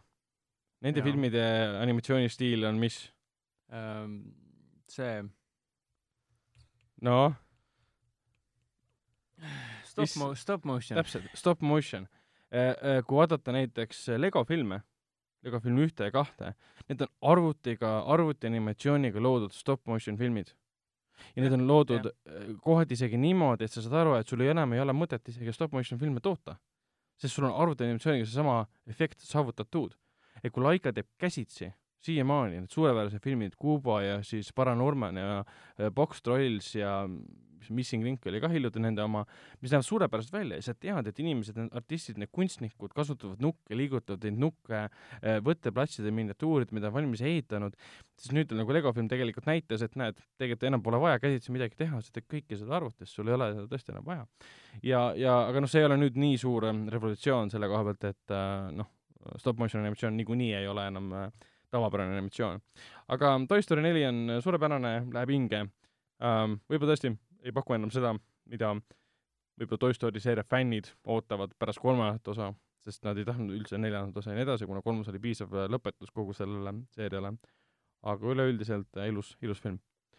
jah, täitsa nõus selles suhtes, et äh, annab tunda küll, et kui sa oled selle Pixari, Pixari animastuudio fänn, siis sa kohe tegelikult tunned, kas seda ikka oli ikkagi vaja. Aga samas, kui sa vaatad seda, näed, et nad teevad täpselt seda, mida nad alati on teinud. ehk siis väga ilusad äh, inimlikud lood, mis on mõeldud, just ma toonitan seda, kogu perele Jah.. oled sa üheksakümneaastane, viieaastane, viisteist või kakskümmend kaheksa, sa vaatad seda kõik suures harmoonias ja täiega naudid, mis sa ekraanilt vaatad. no siin on veits ka neid süngemaid selliseid ähm, täiskasvanutele suunatud äh, nalju ka, eriti kui vaatad inglisekeelset äh, varianti seal ühele tegelaskujule, kelle nime ma ei mäleta, oli ta kollane, kollane tibu, kes on siis kokku õmmeldud ühe sinise linnuga, kui ma ei eksi. tema häält äh, teeb ei keegi muu ei, kui mingi jänku oli ta, sinine jänku, jah. teeb ei keegi muu kui Jordan Peele näiteks, kes on siis muidugi, muidugi Key and Peele'i üks näitlejatest ja loojatest ja muidugi siis Assi ehk siis Meie ja Kao ära ehk siis Get Out Erasure.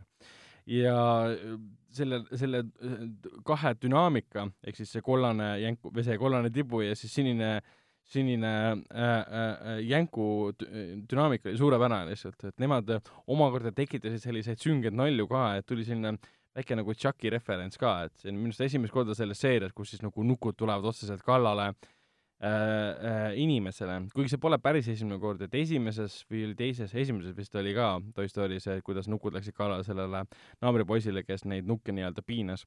aga siin oli noh, mitu korda ühte sama nalja ja see suurepäraselt töötas, et siin need asjad, kuidas nüüd öelda, veits täiskasvanutele suunatud naljad olid palju paremad, kui oleksin osanud oodata, eriti, eriti nagu lastefilmilt. aga vot, selle, selle noodi pealt äh, mainiks nii palju, et äh, Hobbs and Shaw on endiselt kinos, eelmine, eelmine nädal sellest me rääkisime, endiselt väga äge film.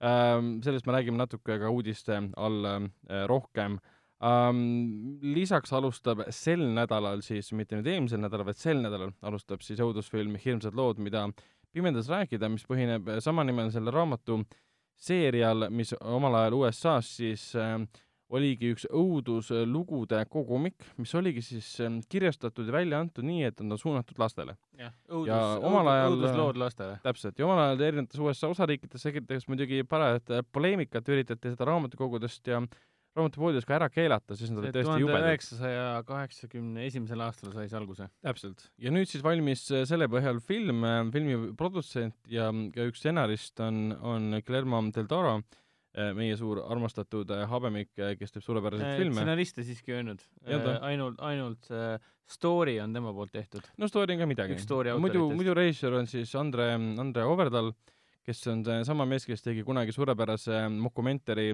stiilis Norra fantaasia õudus, ei tea, kas õudus asja põnevik pigem. fantaasia põnevik Trollhunter, kus siis norrakad läksid äh, mägedesse trolle kaamerasse püüdma ja trollid on päris CGI-ga loodud olendid, mis nägid väga ägedad välja. ja siis ta tegi ka selle Brian Coxi ja E- E- Emil Hirsiga äh, Autopsy of Jane Doe.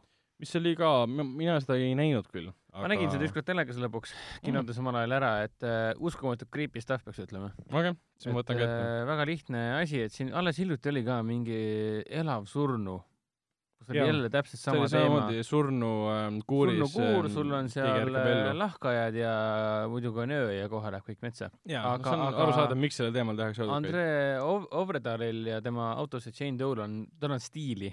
ta, ta teab, kuidas pinget koguda ja tal on stiili, ehk siis mm. -hmm. mõni ime, et Del Toroga ta äh, endaga kampa kutsus. aga mina vaatasin ju Scary Stories ära täna, täna hommikul. uh.. Nonii. ja siis ma vaatan ka vahepeal, okei okay,, mis, okei okay,, nii, räägi edasi, räägi edasi.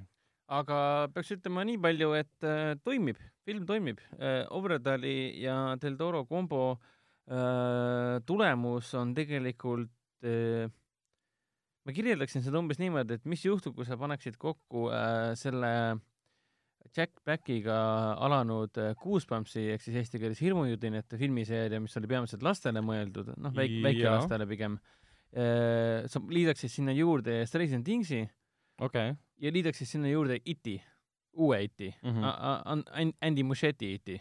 nüüd tuleb septembris teine osa, mis kestab mingi kolm tundi kaks tundi nelikümmend viis minutit. ja kus puhast ja kui see esimeses osas mänginud lapsi on digitaalselt noorendatud, sest esimeses osas mänginud lapsed on lihtsalt vanemaks jäänud, aga nad tahavad teha teises osas, kus on täiskasvanute versioonid, flashback'e minevikku, nad ei saa seda ilma digitaalselt noorendamiseta teha, sest nad on liiga vanaks juba jäänud.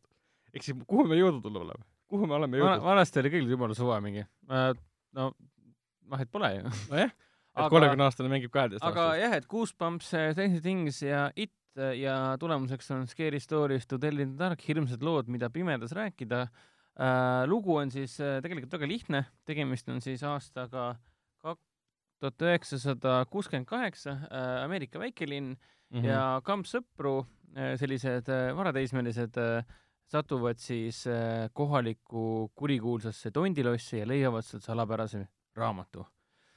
sellest raamatust saab alguse muidugi see, et sinna hakatakse süütute laste verega kirjutama õuduslugusid ja iga õudusloo peategelaseks on kõik need lapsed, kes leidsid selle raamatu.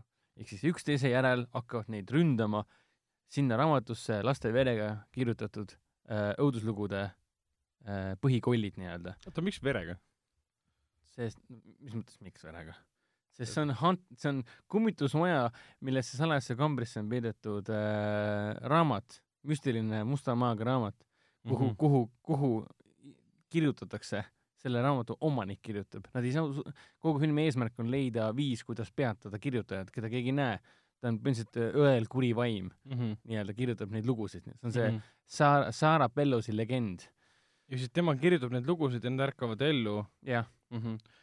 okay. ja nende kogu loo eesmärk ongi see, et lahendada äh, Tondilossi mõistatus, kes seal tegelikult elas, kes neid lugusid kirjutab ja miks ja kas on võimalik neid peatada äh,. peaks ütlema stilistiliselt, visuaalselt äh, väga kihvt film, väga siukene augusti film, vaata praegu on väljas ju sügis käes mingis mõttes. no mitte päris No, aga jaa, vahepeal oli hullem, aga-. Mul on juba sügisigastus tekkinud ja mulle seda filmi täitsa meeldis vaadata, jumala hea tunne oli vaadata seda, siukene äh, tumedam, siukene niiskem ja selline mm, sügisene tunne, see on Halloween ajal leidis kõik aset muidugi jälle, et mm. -hmm. puhas oktoober jälle, et noh. ja, ja film töötab, ta on, ta on naljakas, ta on Thingsilik ja itilik, ehk siis sul on äh, toredad äh, lapspeategelased, neil on omad konfliktid seal, omad minevikutaagad ja üksteise järel nad siis püüavad ära hoida nende lugude el-, täit-, täideviimist. kokku on siis filmis, ma ei hakka väga spoilerdama, aga kokku on filmis tegelikult väga palju erinevaid kolle. ja, ja see kuna on see on Del Toro film, siis need kollid näevad kõik väga põnevad ja Del teistsugused ja- ägedad välja. Ovredali film, et Ovredali pigem eh, režissöör Andre Ovredali pigem iseloomustab, ka see, et ta armastab praktilisi efekte nii-öelda Mhm. noh, Trollhunter ja siis äh, autopsy Jane Doe ja ta on äh, kõige ägedam see, et äh, tavaliselt on see, et sul on äh, üks seltskond ja siis sul on kuri kloun. aga mis siis oleks, kui kurja klouni, okei okay,, Itis oli ka see, et ta ju moodustas erinevaid nägemusi, jaa, okei okay,, see on Iti äh,, Iti lastele, jah. mis siis oleks, kui Itis oleks ka olnud põhivastaseks ainult kuri kloun? mitte mingid erinevad versioonid, mida see kuri kloun esile suudab manada, vaid üks kloun nii-öelda mm.. Mhm. tavaliselt on ikka see, et üks koletis ründab. Mhm. aga noh, nüüd Annabel äh,, Annabel comes home äh, oli umbes samamoodi, et noh, Annabel on see nii-öelda pimp, kes siis laseb oma äh, nii-öelda kaaskonna välja. ehk siis mina olen see boss nii-öelda ja minge, minge ehmatage lapsi. ja siin on Scary Stories'is enam-vähem samamoodi, aga lihtsalt päris fun on niimoodi, et sul on nii palju, kui sul peategelaskonnas on tegelasi, nii palju on ka koletisi. Mhm. ehk siis iga, iga kord tuleb äh, dramatic entrance ehk siis dramaatiline äh, sissejuhatus järgmisesse loosse. aga iga siis lapse jaoks ongi nagu siis eraldi koll. igagi, iga lapse jaoks on eraldi koll ja ja alatihti, eraldi alatihti, hirmutamisepisoodid ongi niimoodi, mis põhinebki sellele, et üks jah. koll tuleb ühele lapsele ja järele. alatihti on need, ma ei saa väga palju spoilerdada, aga alatihti on need otseselt seotud just selle karakteriga. ehk Mhm. siis pigem väga ootamatu ja seotud nende minevikuga ja aga kas me näeme siis nagu erinevate laste surmasid lihtsalt järjest või nad põgenevad ära kuidagi, seda ma ei saa sulle öelda kuidagi nagu itis ja lõpus on võitlema?, tegemist ei ole lastefilmiga, Eestis on ta keelatud ikkagi. Mhm. USA-s on ta eh, PG ehk siis äh, parent, parent, mis see oli, parents guidance või Jah.? ehk siis tegelikult USA-s ta ei ole R-rated. aga ma saan täiesti aru, et tegemist on pigem äh, klassikalise keelatud äh, filmiga Eesti, Eesti kontekstis no,. Et äh, ma väga, väga palju ei näe eri, õuduse koha pealt ma ei näinud väga palju erinevust äh, Annabel äh, Comes Home'iga või Annabel Ei no tuleb muidugi. koju.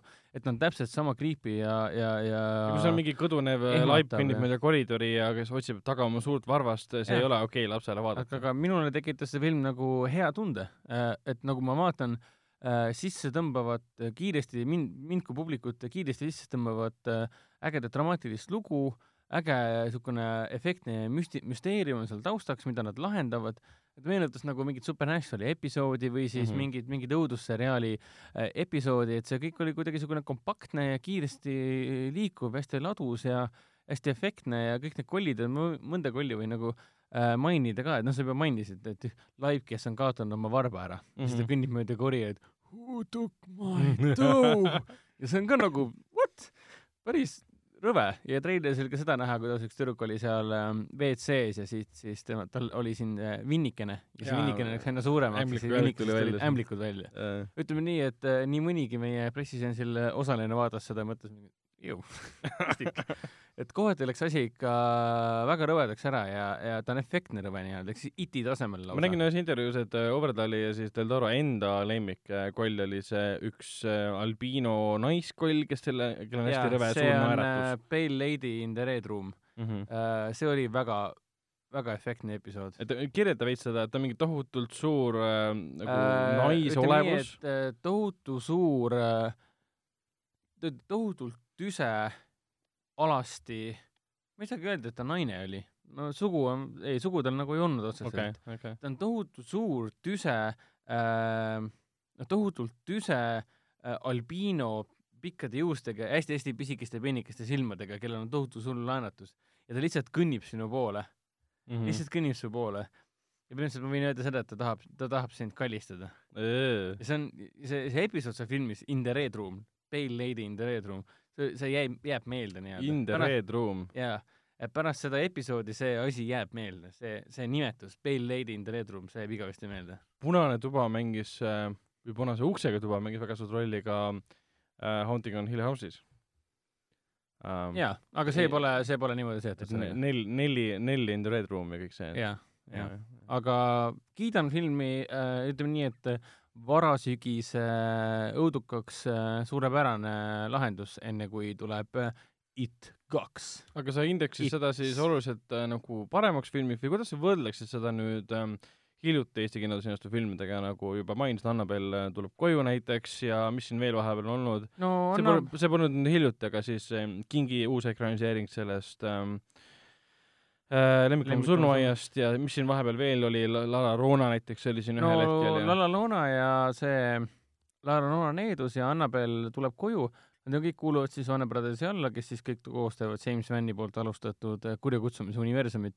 Lala Loona oli äh, väga igav klišeehunnik, mis ei pakkunud õudus, minul, minule kui õudusfännile mitte midagi äh,. võib-olla paar ehmatuskohta oli, aga tegelikult iga, igav õudukas nii-öelda mm -hmm. äh,. Annabel äh, tuleb koju oli päris õnnestunud, ütleme nii, et üks äh, vähestest äh, mitte James Vanni lavastatud kurja kutsumise õudusuniversumisse kuuluvatest filmidest, mis äh, actually works nii-öelda. ehk siis nagu rea- kes selle režissöör oli? äh, ma ei mäleta ta nime, mingi, mingi tead, ta oli suhteliselt tundmatu. Aga ometi ta töötas umbes sama äh, hästi äkki oli kui- Geri Taubermann äkki või? Ta on üks nendest stsenaristidest, kes on ka kurja kutsumise filme, sul on filme õigus, on jah, Geri Dobermann. vot jah, ta on stsenarist, kes on kurjakutsumuse filme kirjutanud. aga, aga mina ütleksin, kui ma peaksin valima, siis, siis äh, igal juhul Scary Stories to tell in the dark. et äh, kuna ma olen Dobermann on aga It kahe stsenarist. jah, jah, täpselt, kõik on Warner Brothersil sellepärast. aga kuna ma olen Stranger Thingsi fänn ja It, Iti fänn, siis äh, mina pigem eelistaksin iga kell Annabelile ja mis sa ütlesid, Lala Loolane just nimelt Scary Story'st või Telinda Tarki. ta on niisugune aus, siiras äh, noortelik äh, seiklusõudus, mis sobib nagu praegusele ajale nagu silm, nagu rusikas silmaauku. Mhm. ta ei ole midagi sellist nagu ülemäära erilist, ta ei ole nagu It, et sa vaatad mingi kaks, üle kahe tunni mingit tohutut äh, ägedat õudusdramaatikat ja mõtled, et jah, mu elu on nüüd muutunud, ta ei ole selline film. Mhm. aga pigem ta annab tunnistust seda, et Andre Orved-, Ovredal teab väga hästi, mida, mida tähendab äh, ägeda seiklusliku õudusfilmi lavastamine. okei okay,, ma ei jõua ära oodata, millal ma seda filmi näha saan. aga meie filmi osa pole veel läbi, sest eh, sel nädalal mm, alustas ka äh, Foorum Cinemas kinoklassika uus äh, film, mille nimi on siis muidugi Hea Will Hunting, Good Will Hunting. me oleme seda filmi näinud, me oleme ammu seda filmi muidugi näinud, see on nüüd iga augustikuu siis kolmapäeval see film äh, ka linnastub. kuidas selle kohta on öelda, Gus Van Santi film, Gus Van Santi filmidest äh, mul on väheseid, mis on mulle väga-väga-väga meeldinud ähm,. ütleme niimoodi, et tema see Psühho remake oli täiesti nagu ebavajalik, aga omamoodi lahe harjutus, aga võib-olla tõesti see Good Will Hunting on üks parimaid. aga jah, selles mõttes, et äh, kinoklassika jaoks täiesti ideaalne, Ben Afflecki ja siis äh, Matt Damoni jaoks oli see film see, mis viis nad põhimõtteliselt ähm, Hollywoodi taevasse, muidugi siin jah, tuleb meelde tuletada, et äh, Harvey Weinstein kes nüüd hiljuti ei saanud Euroopasse reisida, tema äh, tähendab, keelati Euroopasse reisimine talle ära, ei antud luba, sest äh, ta muidugi erinevate seksuaalsete äh, ahistamissüüdistuste ja vägistamissüüdistustega erinevates kohtades, osariikides praegu kohtu all. Ja tema oli muidugi see, kes omal ajal seda filmi rahastas ja maksis äh, noore, kahele noorele poisile siis äh, miljon dollarit, kui ma nüüd ei eksi, ka stsenaariumi eest, mis ära toodeti ja mis vahepeal väga palju muutus ka. Äh,. film ise on jah, selles mõttes suurepärane, Robin Williams sai oma Oscari selle eest äh,, sai Oscari, mitte nomineerinud, ikka sai, ikka sai Jaa, Oscari tema sai. karjääri esimene ja viimane Oscar. täpselt, ja see on väga liigutav film ja väga klassikaline, sest sul on nagu äh, töölisklassi noormees, kes töötab ülikoolis koristajana, ühel hetkel jäetakse siis äh, tahvlile äh, valem, mida keegi lahendada ei oska ja siis muidugi on see töölisklassi poiss see, kes selle ära lahendab ja siis ta põhimõtteliselt nagu avastatakse, Stellan Skarsgård ta avastab nii-öelda tema te- mängitud äh, tegelaskuju professor ülikoolis ja tahab teda siis äh, põhimõtteliselt hakata õpetama ja ta harida, edasi viia. poiss muidugi on, on väga sellele vastu põhimõtteliselt, kuna ta on harjunud oma eluga sellisena, nagu ta on ja seal on ka muud põhjused. Ja siis talle tuuakse siis abiks äh, Robin Williamsi käestatud äh,, kas ta oli psühholoog siis või? nõustaja pigem, jah, selline jah. Et kellega ta hakkab siis igapäevaselt äh, vestlema. Äh, äh, ja kellega kaudu tuleb siis välja igasugused Matt Damoni käestatud tegelaskuju siis noh, Will Hunting on siis äh, mineviku taagad, mis põhimõtteliselt ei lase tal edasi liikuda ja pigem lasevad tal koha peal seista. Suurepäraselt näideldud film, lavastatud film, kirjutatud film, muusika, seal on nii meeldejäävad stseenid on, et siis selle diigitseen, kus Robin Williams teeb oma väärise monoloogi äh,, rääkides Will Huntingule äh,, mis on armastus, mis, mis, mis on need äh, tunded ja elud, kas sa tahad selle äh, anekdoodi ära ka rääkida? mis anekdoodi? see, mida tähendab armastus ja Robin Williams oma, Robin Williamsi karakter rääkis oma naisest ka ühe toreda loo. aa jah, aga see ei olnud selles Tiger, see oli, see ja, oli ja äh, ei, seda küll, seda küll. üks vestlus äh, ülikooli, ülikooli äh, kontoris äh,, see mõtleb vist seda, et kuidas äh, Robin Williams ühel hetkel tegelaskuju rääkis Will Huntingule, et ta armastas oma naise juures kõige rohkem seda, kes on noh, lahkunud muidugi äh, antud hetkel äh,, et kuidas ta öösel äh, peeretas nii kõvasti, et siis ärkas ise selle peale üles ja kuidas nad mõlemad naersid, et see oli tegelikult see Robin Williamsi enda improviseeritud äh, jutt, see polnud stsenaariumis kirjas, see polnud kavas seda teha me vist rääkisime eelmises saates sellest. ei, me, meile räägiti kuskil mujal seda, see võis olla Intsikurmus käis läbi või kuskilt mujal äh, keegi meile rääkis see teema, et see kaamera võbises ja miks või? see käis äh, Me ei rääkinud seda saates, ei, me ei rääkinud seda saates. see, ma ma tean jah, reaalsus läheb reaalsusega kokku juba, tundub, et me oleme kõike siin saates rääkinud. aga kuna see Robin Williams põhimõtteliselt, kuna ta on suurepärane improvisaator, ta on suure, oli, oli suurepärane äh, äh, näitleja ja sõnaseadja ja suutis tühjast kohast nimetada välja lugusid, karaktereid, ideid, mõtteid, nüansse, mida mitte keegi teine ei suuda niimoodi teha. ei suutnud niimoodi teha, tähendab. Plikk harjub selle ideega, teda meie hulgas enam ei ole ta suutis jah, selle äh, nagu ülimalt liigutava nii-öelda nalja sisse tuua, kuidas mees meenutab oma juba lahkunud naist läbi selle, et äh, peetas öösel nii kõvasti, et ta ärkas ise, ise selle peale üles, mõned hakkavad selle peale naerma. ja kui seda stseeni kinos vaatate, siis te näete, kuidas kaamera väriseb veits.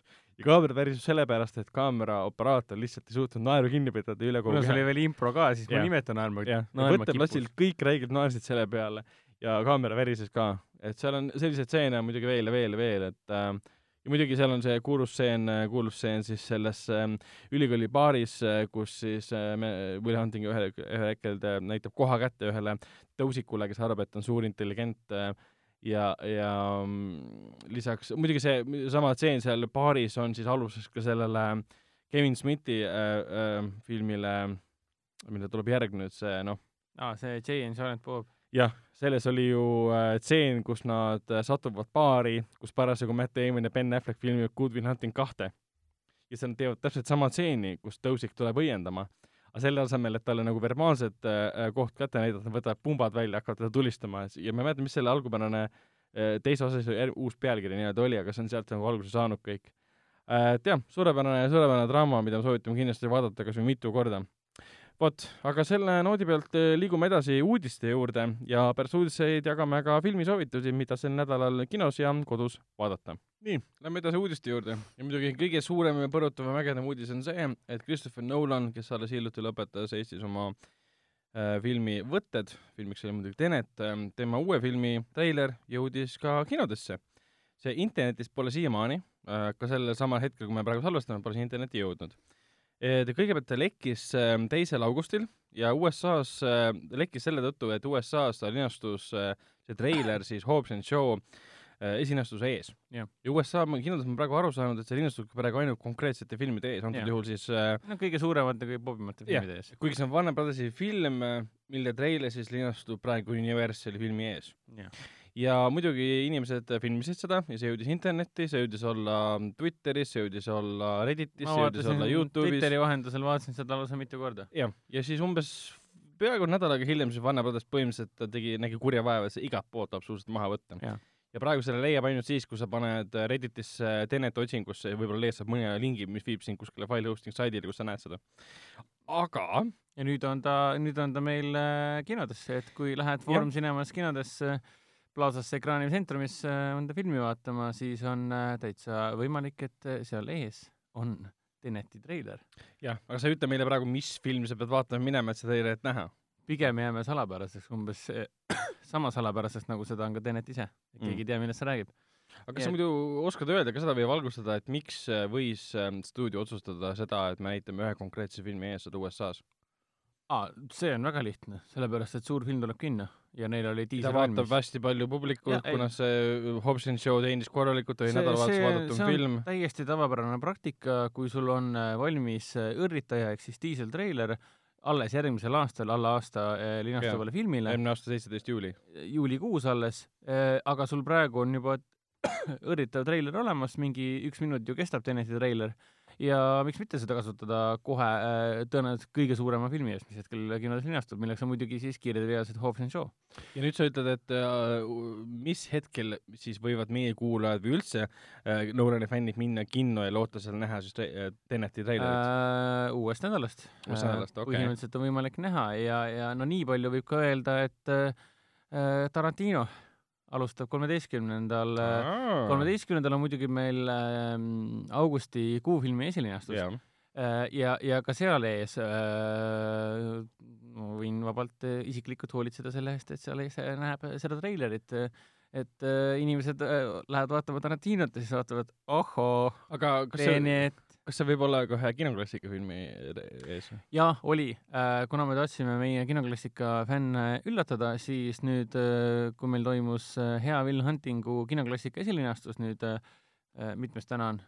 kaheksas, seitsmendal augustil oli siis äh, kinoklassika Hea kuu, sorry, hea Will Huntingu esilinastus ja siin, seal me panimegi viimaseks treileriks Teneti, et siis kinoklassika fänne meeldivat ülas-, üllatada tulevase kinoklassika filmi treileriga. jumal küll um. sa ütlesid, et tava, tavapärane praktika on see, et sa paned ülimalt populaarse filmi ette näiteks USA kinodes treileri. jaa, see käib alati aga. tavapärane praktika ei ole tegelikult enam ammu see, tänu internetiajastule, et sa hoiad treilerit nii kaua aega jaa, kinodes. treiler ei ole online, selles suhtes on haruldane jah, et Jaa. ja. Teneti treiler ei ole siiamaani online. et tavaliselt lastakse treiler esim- esimesena internetti, siis tuleb, ta on samal ajal ka kino sees, tavaliselt internetti tuleb mingisugune kümme erinevat treilerit, siis kinodes jooksevad algupärased treilerid, aga Nolan ja Warner Brothers otsustasid oma uut filmi, mille võtted pole läbi. Nad läksid ju Shanghais, ei Singapuri alles filmima, neil on võtted pole läbi, postproduktsioon pole see on läbi väga hea taktika ja. nad tegid valmis eh, teatavad kaadrid, teatavad stseenid. kogu see montaažilauad panid selle kokku, panin sinna efektid külge, kuigi efekte otseselt näha pole, sest on väga ja võib lühike diiser. uhkusega tõdeda, et äh, on vägagi loogiline järeldada, et enamik, kes on näinud Teneti diiserit juba nii-öelda võrgu, võrgus, võrguväljaannet nii-öelda ära juba, kõik need kaadrid on tõenäoliselt ju Eestis filmitud. kas just kõik, aga enamik nendest võib väga vabalt olla. seal üks, üks kaader ju on, kus siis äh, John David Washingtoni tegelane jookseb gaasimaskis.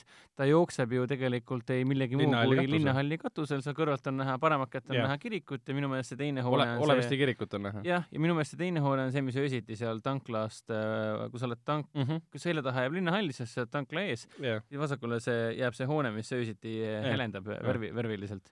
Selles mõttes sa, on, ma ei saa ikka sellest üle, et see on niivõrd rabav.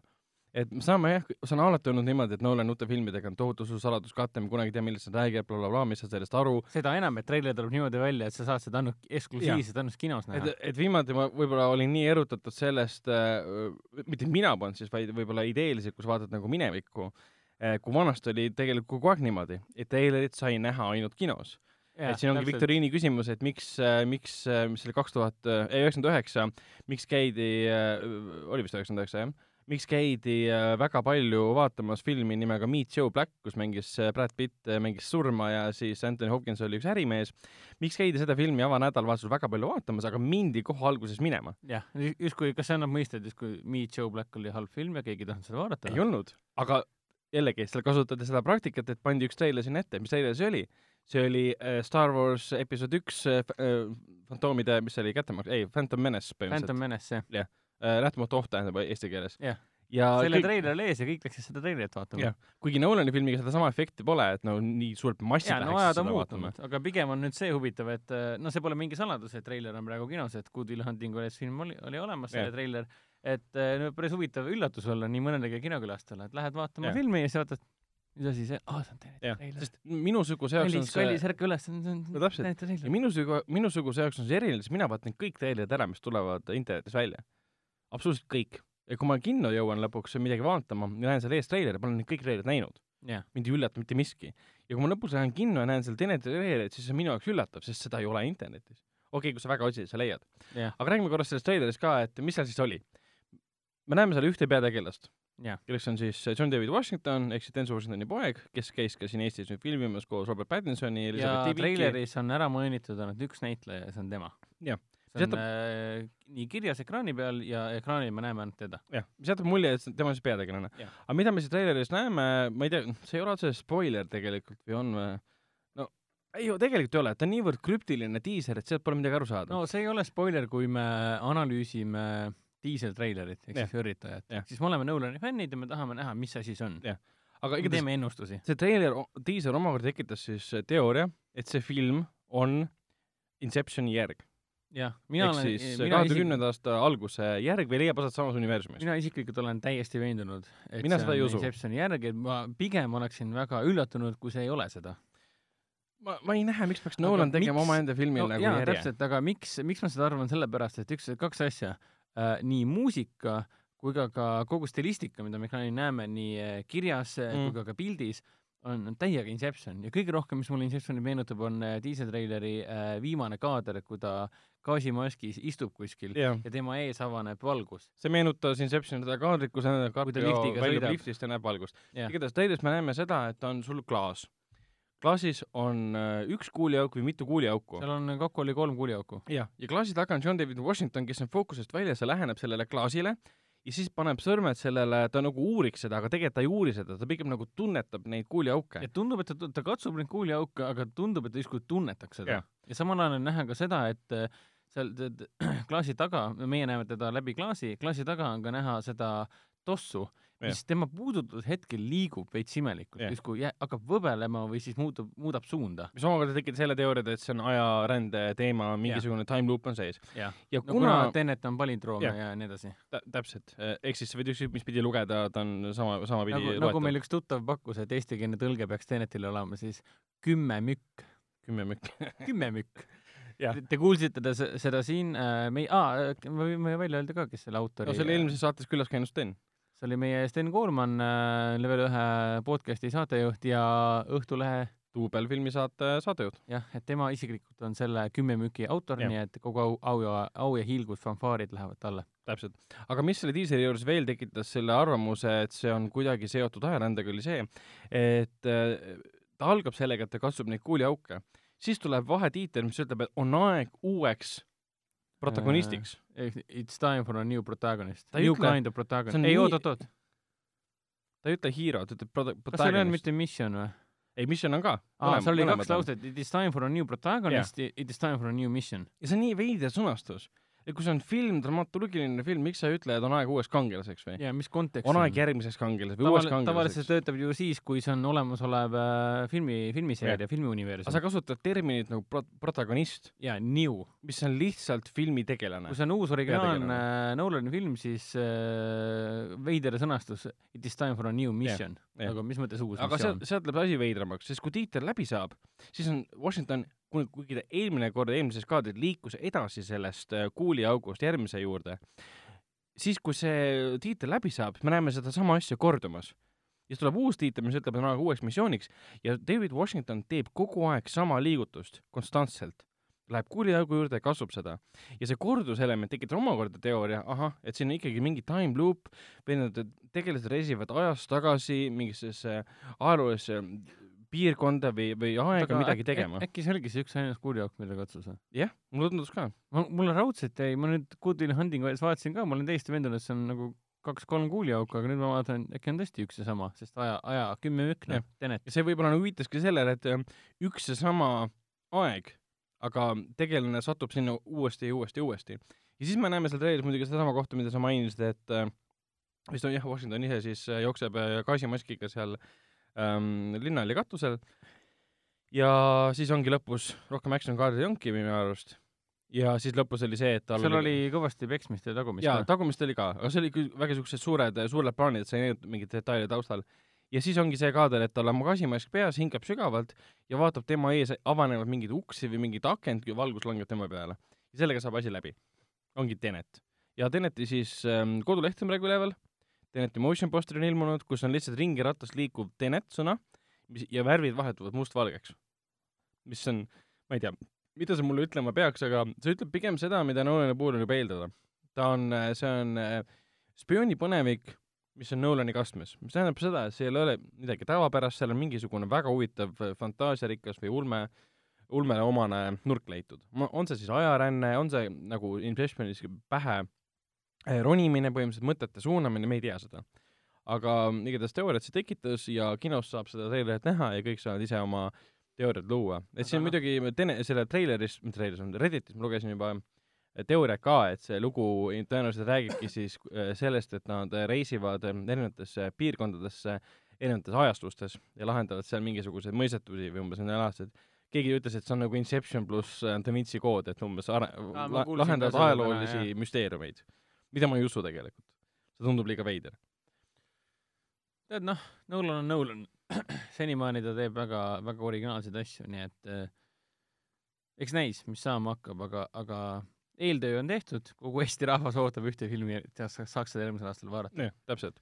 aga siit saame edasi minna täpselt äh, John David Washingtoniga, sest praegu jääb kuulujutud, et teda tahetakse palgata äh, järgmisesse Batman'i filmi, kus Batman'i käest ei keegi muu kui tema kaasnäitleja Tenetis, Robert Pattinson. ja räägitakse, et see roll vist, kui ma ei eksi, oli Harvey Denti roll, kaksnäo roll. jaa, see on päris huvitav, uuritav vaheldus sellele, kuidas teda varasemalt on, on kujutatud. see on muidugi täiesti kuulujutt, mis nagu ikka internetis ühel hetkel läks liikuma, keegi kuskil mainis ja nüüd maskeeritakse see, et nagu tundmatud anonüümsed allikad on sellest nagu ei ta on rääkinud. äge näitleja, Dentid oleks väga huvitav. noh, midagi me sellest loost ei tea. Me teame, et äh, Pattinson kehastab, vabandust mm,, Pattinson kehastab äh, Batmani, kes on juba Batmani ametit mõnda aega pidanud, aga äh, aga, aga hetkel ikka veel äh, harjub, harjuma olevaks äh, pimedase rüütel. tõenäoliselt Denti roll oli üks kõige meeldejäävamaid rolle ka Nolani äh, The Dark Knightis, Pimedase rüütlis. Jaa, Mm, ja tõenäoliselt selline väga kompleksne, keerukas tegelane, ahah, siin on nõmid, oleks Mm. väga, väga huvitav äh, tuleproov äh, ühe, ühe veel, veel oma ametiga harjuva äh, pimeduse rüütli jaoks. absoluutselt jaa, pluss nad, see on nagu nii äh, lahe ka, et Batman on ka ju tegelikult, mis ta tuleb kaks tuhat kakskümmend üks, on Brothersi film, mm. -hmm. Brothers vaatab, et aa, John David Washington saab Tenetis väga hästi hakkama, temast saab ju suur staar tänu Tenetile ei no nii see käibki, ta on juba praegu tegelikult staar Jah. tänu Black Landsmanile. ehk siis nüüd ta liigub edasi Brothersi redelil ja siis jätkab äh, Batmanis selleks ajaks, kui The Batman tuleb välja, siis on äh, umbes nii, et äh, kõik teavad, kes on John David Washington. nojah, täpselt. aga lähme, lähme tagasi korraks Eestisse, kuigi me pole siit otseselt isegi lahkunud, sest kõik need e- esimesed kaks uudist seostusid Eestiga. Foorum Cinemas kinos linastub selline film, selline dokumentaalfilm nimega Apollo üksteist, Mm -hmm. mis see endast kujutab ja miks, miks te lasete selle nüüd välja, kui kuulmaandumine on juba tegelikult äh, tähistamine on tegelikult möödas? No aga tegelikult äh, kogu see aasta võib nimetada, et on jah, kuulmaandumise aasta, sest äh, mis ta oli siis, viiskümmend aastat täitus, viiskümmend aastat jah. tegelikult sul on õigus jah, seda on minu arust juba enne seda tähtaega, mis oli vist mai lõpp, mingi kakskümmend kaks mai, kui ma ei eksi uh,. ma ei mäleta praegu täpselt, aga see sai läbi ja siis pärast seda ikka veel räägitakse ikka edasi sellest uh,.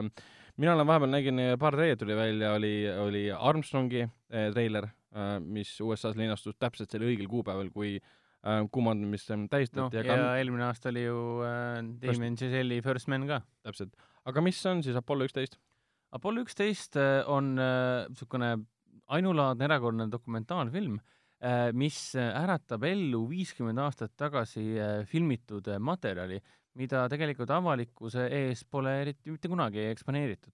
et nüüd esmakordselt tuuakse ta isegi 4K pildiresolutsiooniga, on loodud digitaliseeritud ja 4K-ks vormitud äh, ja me nüüd, meie näitame seda nüüd kahekümne üheksandal augustil esilinastuse raames just nimelt meie suurimas Plaza, Coca-Cola Plaza Iceland saalis äh, just nimelt 4K formaadis. ja, ja juba treiler äh, näeb see digiteeritud, digiteeritud variant näeb ikka nii ilus välja. saad aru, need on viiekümne aasta vanused materjalid, mis enamik on filmitud seitsmekümne millimeetri peale, Mm -hmm. mitte kolmekümne viie peale, nagu oli tollaks oli tavaks. kas need on siis nüüd mingil kujul nagu digitaalselt taastatud, puhastatud nii. ja okei et enamik materjalist on seitsekümmend millimeetri peale filmitud ja nüüd on siis 4K-ks äh, digiteeritud. mis tähendab seda, et Iceland saalis äh, näha viiskümmend aastat vana materjali selles, kuidas valmistuti äh, noh, inimajaloo kõige suuremaks erakordsemaks hüppeks kuu peale, noh, lend, aga noh, võib ka öelda hüpe, tiigrihüpe äh,, et ma, et need kaadrid on tõeliselt, tõeliselt vapustavad ja suures saalis seda vaadata on tõenäoliselt äh, erakordne elamus kahekümne, muidu alustab meil film äh, kinorännakut äh, kuuendal septembril, aga esilinastuse teeme ära juba kahekümne üheksandal augustil. kinorännakut või? okei, kinoreliis, noh. Vau. levi algab ei, kuuendal kinorännak on septembril. ilus sõna tegelikult. ma mõtlen ka, et kinorännak algab Apollo üheteistkümnendal, kuuendal film alustab septembril. oma kinorännakut, film jõuab kinno, alustab ta ju rändab mööda kinosid.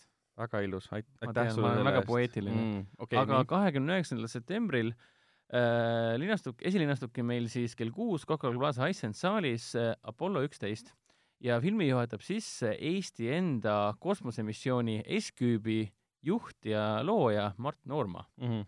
nii et äh, kõik äh, kosmosehuvilised, kõik teadushuvilised on igatipidi oodatud äh, tulema kahekümne üheksandal augustil Icelandsi ja nautida erakordselt ägedat dokumentaalfilmi, mida sellisel kujul, selliseid kaadreid pole tõenäoliselt mitte keegi eriti näinud, üks protsent võib-olla maailmast, ja eriti veel digiteeritud kujul ja muidugi äh, austusväärne teadlane Mart Noorma äh, kostitab meid informatsiooniga, mida me tõenäoliselt ei suuda äh, praegu mõeldagi, mida me mm. -hmm. tahaksime teada saada. et kuuldavasti on Mart Noorma äh, inimene, kes, selline inimene, kes hea meelega äh, räägib ja räägib palju ja väga huvitavalt ja väga paeluvalt. nii et sellest tuleb väga eriline õhtu äh,. nii palju ütleksin ka veel, et seesamune Apollo üksteist on siis kokku pandud hiljuti avastatud materjalist, mis digitaliseeriti ja ta on mõeldud tegelikult ainult suure ekraanil vaatamiseks Mhm. kuna sellepärast ta 4K-ks ka loodi.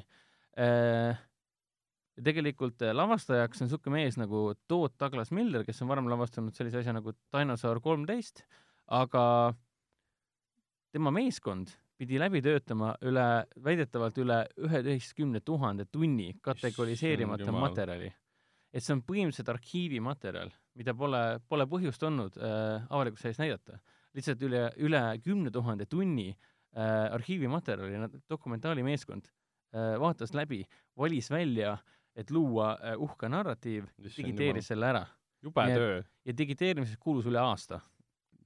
kujutan et, ette. et kui sulle First Man meeldis äh,, Tom Hanks'i Apollo film meeldis, oli Tom Hanks, jah, oli küll, jah, Ron Howardi film, ja sa oled üldse kosmosefänn, teadushuviline, siis see film peaks nagu rusikas silmaauku olema. Või siis rusikas vastu kuud nii-öelda. kusjuures First Mani produktsiooni juures kasutati ka neid samu reaalseid kaadreid kuu maandumisest, et kui sa vaatad First Manis neid stseene, kus äh, see äh, rakett või see kapsel hakkab maanduma kuule ja ta vaatad aknast välja, siis tegelikult aknast väljas paistavad need reaalsed kaadrid, mida Täpselt. filmiti omal ajal on. tõenäoliselt ka võib-olla väga vabalt see materjal, mis on pärit sellest arhiive, arhiivhunnikust, mida nad läbi töötasid.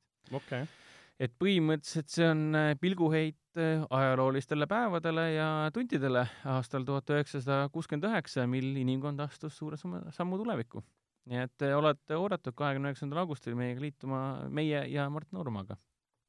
Vau, väga võimas äh,. Eestiga me jätkame ka äh,. Eesti siis lühijutusfilm Karv, Oskar Lehemaa film, mis siis aprillis linastus nüüd HÖFFil Haapsalu esilinastus HÖFFil, kaks korda isegi. Haapsalu õudus- ja Äh, fantaasiafilmi ta oli siis äh, lühifilmide äh, võistluse programmis linastus, mille ta võitis ja siis ta oli siis äh, avafilmi Friigid ees ka ja võitis seal siis peaauhinna, mis tähendab seda, et ta võitis äh, Melier d'Argent auhinna, mis viib ta automaatselt siis äh, rahvusvahelise äh, žanri lühifilmide nagu võidu äh, no, nominatsioonide hulka, mille hulgas siis oktoobris äh,, novembris, ei jah, oktoobris ikka valitakse siis parimad. ja Karl nüüd hiljuti esilinastus nagu rahvusvahelisel tasandil siis ähm, Montrealis äh,, Kanadas ähm, Fantaasia filmifestivalil, kuhu ma alati olen tahtnud minna, sest see on Põhja-Ameerika üks suurimaid äh, žanrifilmide festivale, kus linastuvad kõik siuksed äh, žanrifilmid, mis hakkavad hiljem nagu maailma vallutama. seal ta võitis äh, publiku auhinna äh, rahvusvahelise lühifilmi kategoorias ja kui tavaliselt lühi-, need rahvusvahelised, tähendab, publiku auhinnad pole nagu midagi otseselt erilist, siis antud juhul on, sest kui vaadata Fantaasia filmifestivali publiku auhinnu kategooriat, siis neid on seal väga palju. ehk siis publiku auhind kui selline on sulle väga tähtsal kohal. seal on erinevates äh, publiku auhinna kategooriates isegi nagu esimene, teine, kolmas koht. et noh, palju õnne filmitegijatele, Karv väärib seda tunnustust, see oli ikka mingi, issand jumal, seitse aastat töös ja välja tuli sellest väga konkreetne, väga võimas, korralikult väga, lavastatud väga äh, efektne, väga, väga äge eh, digitaalefektid. jah, ja lõpuks ta kestis kokku vist oli mingi seitse minutit või midagi äkki laadset. oli jah, niipidi. jah, aga samas ta ei, ei viisteist ei olnud. ma ei mäleta enam mm,, me nägime seda ju kevadel. jaa, täpselt, jah, sellest on kaua aega möödas, aga väga korralik film, ta loodetavasti saab ka varsti, varsti näha, kui ma ei eksi, siis tal tuleb tegelikult esilinastus, ma just sain hiljuti kutse kuskil mm.. kus see toimub siis? Uh, oota, ma nüüd uh, uurin, kas ma leian selle üles uh,. Mm, kuule jah, peaaegu et viisteist minutit kestab, on jah? et okay. oli, oli täpselt meeles. sest Frost Effects, kes tegi muidugi siis ka Tõeõiguse ähm, efekte, tegi efektid ka Bad Hairile ehk siis Karvale. ja noh, nende töö on muidugi, muidugi vapustav uh,. ma kohe vaatan, kas ma leian selle info, kas Karval toimub ähm, avalik esilinastus hmm,. Nende Facebookis seda infot ei ole, mis on natuke jama. selle vastuse ma jään praegu võlgu, aga ma uurin ta lähiajal välja uh,. Lähme edasi aga äkki läks seda sellega, et mis, mis toimub HBO-ga? mis toimub HBO-ga? HBO-ga toimub äh, see, et äh, David Benioff ja DB Weiss ehk siis mehed, kes lõid Troonide mängu ja selle väga vastuolulise viimase hooaja ehk siis lõid Troonide mängu ehk siis seriaali ehk siis maailma kõige edukama, mõjukama seriaali üldse põhimõtteliselt, fantaasiaseriaali, nemad lahkusid HBO-st. Ja nemad läksid Netflixi. Ja tegid Netflixiga uue sisu loomise jaoks kahesaja, kakssada miljonit dollarit väärt lepingu, mis läheb teleajalukku. see on üks suuremaid summasid üldse, mis on tehtud televisiooni nagu ettevõtte ja see on veel äh, katab ära mitu-mitu aastat, et Jah. diil katab ära päris korraliku perioodi, mil nemad toodavad, ma ei tea, mida nad siis täpselt toodavad, Seda ei me tea. täpselt ei tea. et me ei tea, kas see üks projekt või on see mitu projekti, aga noh, nad on äh, hot stuff, öeldakse selle peale. Nad olid peaaegu kümme aastat ju HBO-s. Nad, nad, ei lahkunud HBO-st sellepärast, et viimane osa, viimane hooaeg võeti halvasti vastu. no Oli- võib, võib niimoodi mõelda küll no võib mõelda, lihtsalt neil olid kümme aastat sai täis, nad vahetasid omale esindajaid, nüüd vahetavad telekanalit ja muidugi ne- Netflix ja siis Amazon ja Disney olid muidugi need, kes hakkasid kohe panustama neile raha, et eh, kelle poole nagu meelitada. ja lõpuks nad valisid Netflixi ilmselt tõenäoliselt sellepärast, et nemad pakkusid kõige suuremaid summasid. ja sinna nad läksid ja kakssada miljonit on see, see, see mm, leping väärt ja me ei tea, mida nad tootma hakkavad. võib-olla selleks võib olla seriaal nimega Confederate, mida nad ähm, droonide mängu loomise ajal äh, hakkasid arutama, et HBO-s võiks seda teha. aga see sai väga sellise, kuidas nüüd öelda, negatiivse vastukaja, sest äh, see kujutab, see seriaal kujutab alternatiivset maailma, kus siis Ameerika kodusõja võitsid äh, lõunaosariigid, ehk siis see on nagu maailm USA, kus on siis äh, ähm, orjandus endiselt alles. ja see muidugi sai niisuguse vastukaja osaliseks, kui need detailid tulid avalikuks, et milleks meile sellist seriaali vaja on ja me ei tea, kas see on see, mida nad hakkavad Netflixis tegema, võib-olla nad teevad neile mingit uut äh, fantaasiaseriaali. aga noh, minugi poolest, et selles mõttes, et Game of Thronesi eellugude mm, seriaali piloot on juba minu arust ära filmitud, praegu teevad järgmisi osi, Põhja-Iirimaal need võtted nüüd mitu kuud tagasi juba algasid ja nüüd järgmine aasta peaks, peaks äh, need meile ka jõudma, tõenäoliselt HBO vahendusel.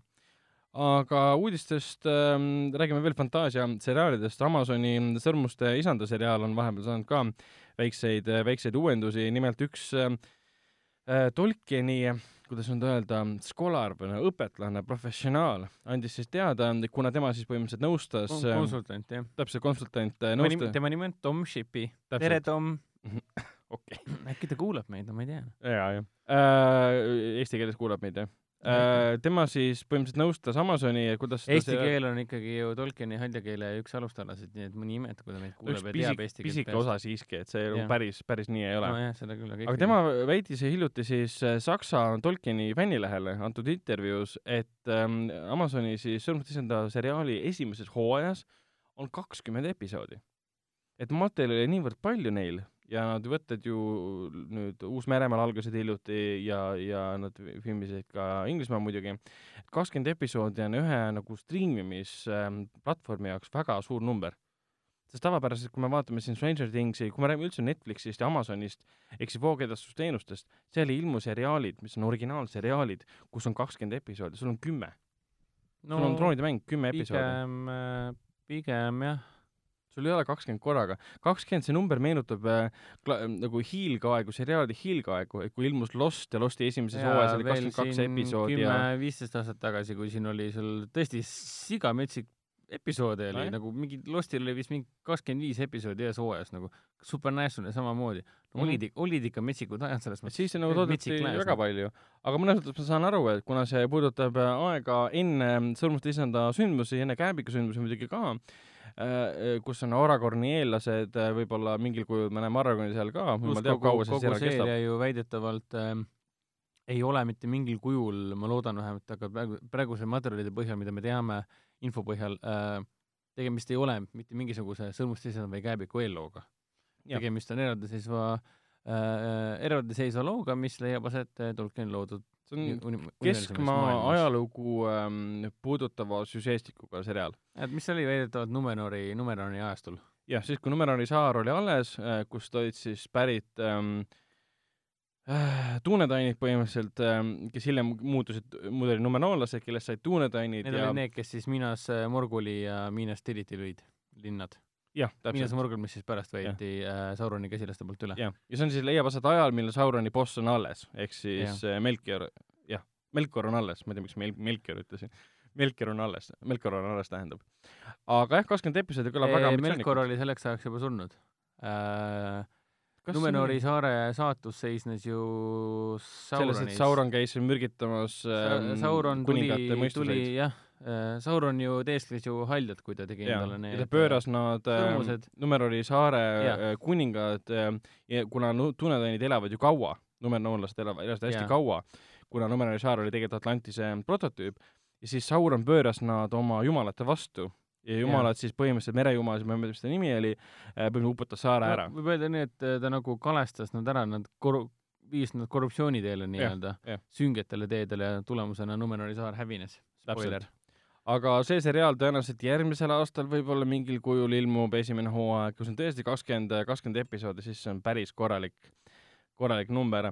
Äh, numbritest rääkides, siis ähm, Marvel võttis ametlikult nüüd üle äh, ta-, äh, X-mehed, Fantastilise neliku ja Deadpooli ja need kõik läksid muidugi Kevin Feige alla. Kevin Feige, kes on praegu põhimõtteliselt juhtinud siis kogu seda Marveli kinouniversumit, ehk siis keegi teine ei hakka neid Foxi asju, mis kuulusid endiselt nagu Foxile juhtima, vaid ikka Kevin Feige hakkab seda asja nüüd liitma, tõenäoliselt siis Marveli kinouniversumi siis viiendasse või kuuendasse faasi hakkab siis neid filme nüüd arendama.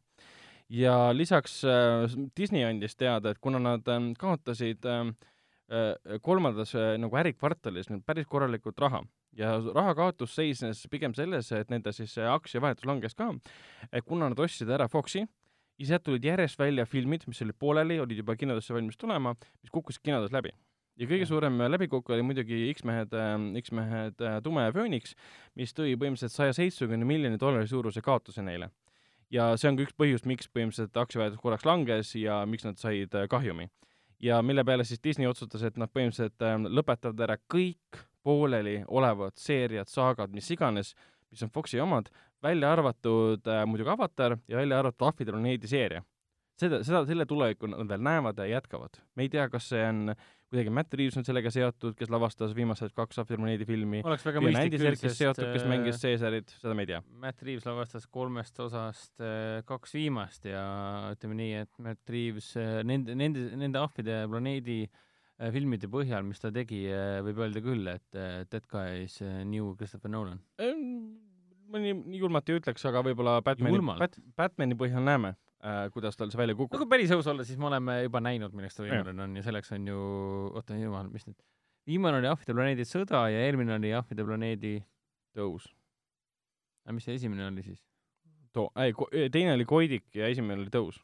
tõus jah, Rise, Dawn ja War, okei okay,. jah, jah, täpselt ja, ja no ma saan Disneyst täiesti aru, miks nad seda tegid. et kui nad ostavad ettevõtte ära ja seal on äh, projektid pooleli, mis toodavad kahjumit, siis noh, sellel ei ole mõtet, alustame puhtalt lehelt. jätame mõned väga kasumlikud asjad alles, see on okei okay.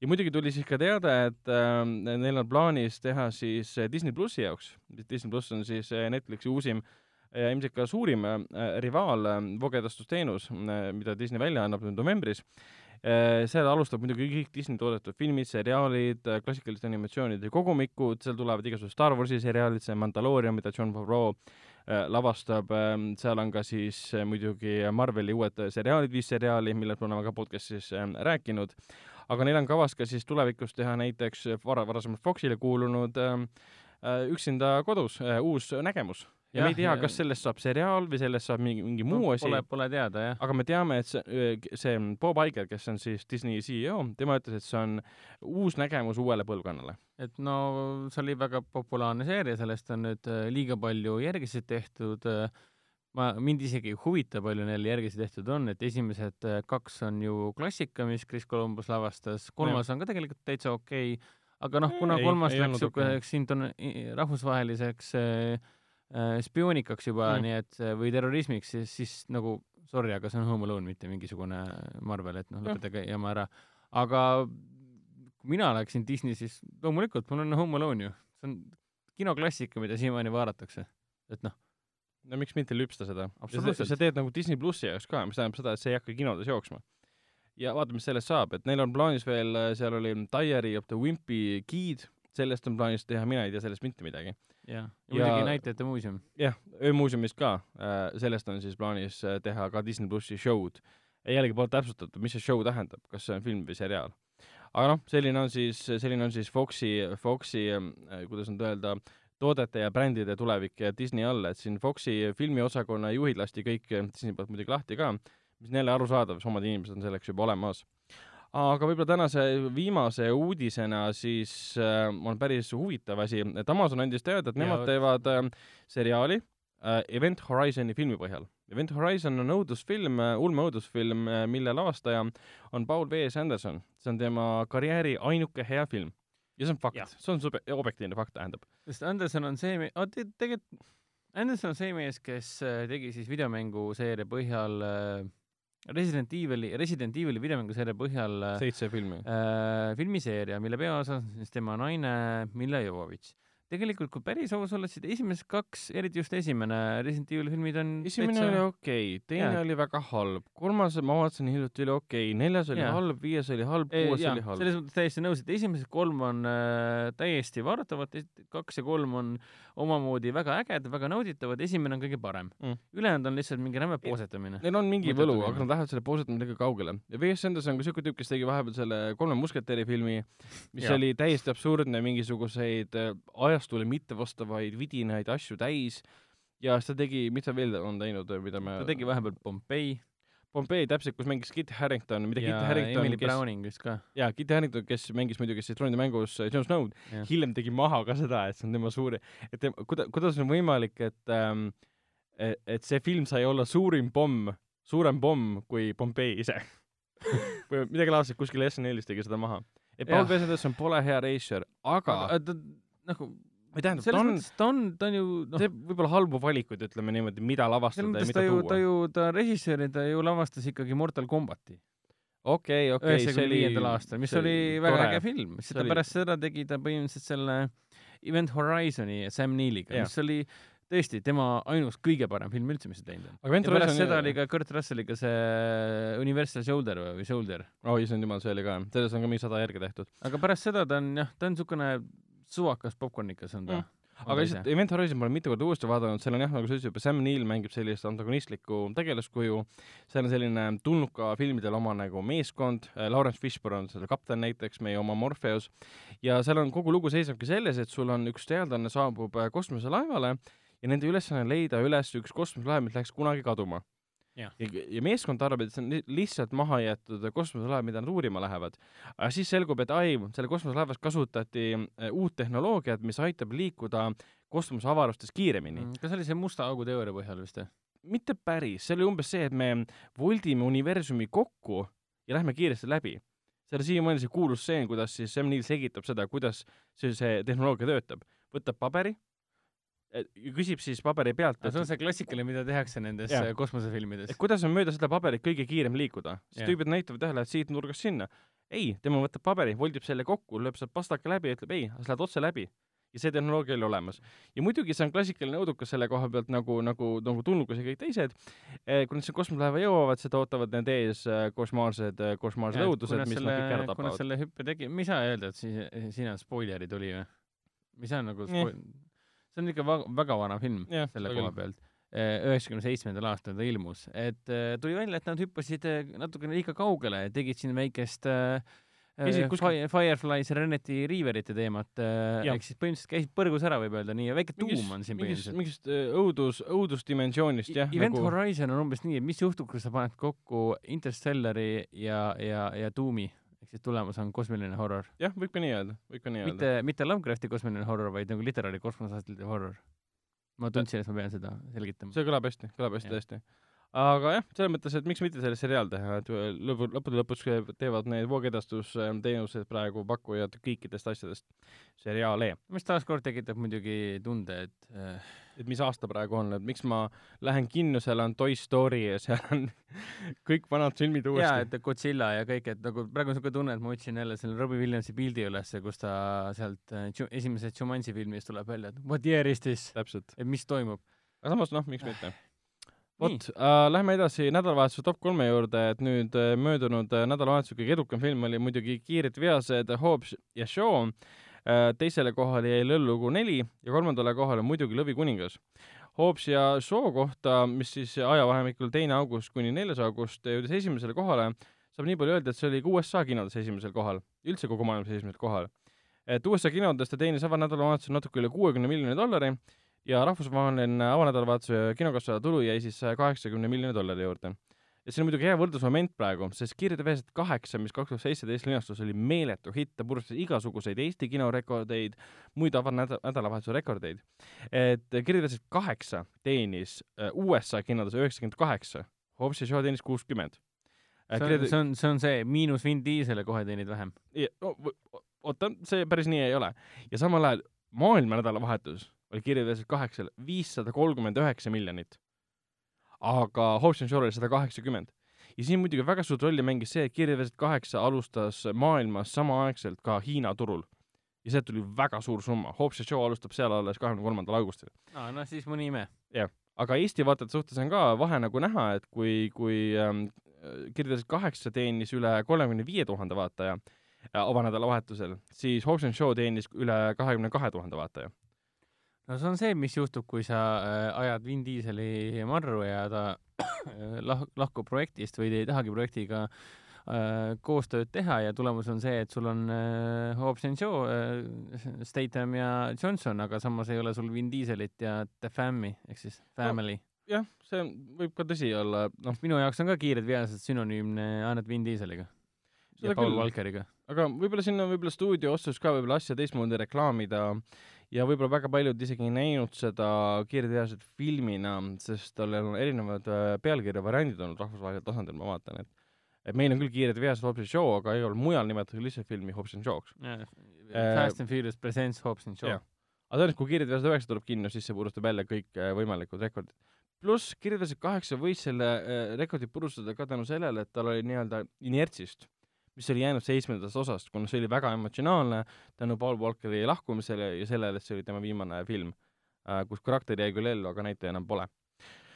vot, aga lähme siis selle kahekümne teise saate viimase osa juurde, milleks on muidugi filmisoovitused, et ähm, soovitame vaadata augustikuu kõikidel kolmapäevadel Foorum Cinemas kinoklassika raames muidugi head äh, Will Huntingut, kinos Coca-Cola Plaza. täpselt, mille ees näeb siis Teneti treilerit ka, ja kinodes alustavad sel nädalal ähm, hirmsad äh, lood, mida pimedas rääkida, mida Hendrik juba nägi ja kiitis tegelikult, lisaks alustavad kinodes äh, Solan ja Ludvig Reis Kuule, mis on no ta on äh, väga, väga mit,, mitu osa on juba sellest välja tulnud Eesti kinodes, Eesti rahvast, perekondi rõõmustanud, väikelapsi. ta on pigem äh, pisikestele lapsukestele mõeldud, väga tore siukene äh,, mis ta on, päris plastiliin ei ole ju, midagi taolist on. Niisugune pigem klassikalisem animatsioon, mida väga tihti enam kinodes ei näe. ah, aga ta on niisugune helge, ilus ja seikluslik ja, ja õpetlik. noh, klassikalist anim- animatsiooni on ka mõne vahetevahel vaja.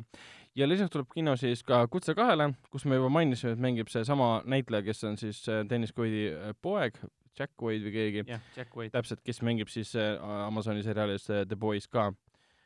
Lisaks äh, soovitame ette võtta niisuguse asja nagu Youtube'is on olemas äh, kanal äh, nimega Timeless Classic Movies äh,, kus põhimõtteliselt on üles laetud siis Turner Classic Movies äh, äh, filmid äh, ja miks ma seda soovitan, sellepärast et seal on võimalus vaadata lihtsalt väga palju äh, vanu filme, on ta siis aastatest, aastatest äh, tuhat üheksasada nelikümmend üks või nelikümmend kaks, siin on kolmkümmend seitse, kuuskümmend muidugi, siin on näiteks ähm, õudusulmefilm The Brain That Wouldn't Die aastast tuhat üheksasada kuuskümmend kaks näiteks, siin on, on, on ikka pealkiri. äh, näiteks on The Black Raven, mis on müsteerium aastast nelikümmend kolm, et siin on võimalus vaadata lihtsalt Youtube'is tasuta, tegelikult Youtube'is on väga palju neid kanaleid, kus on ametlikult üles laetud kõik need vanad filmid.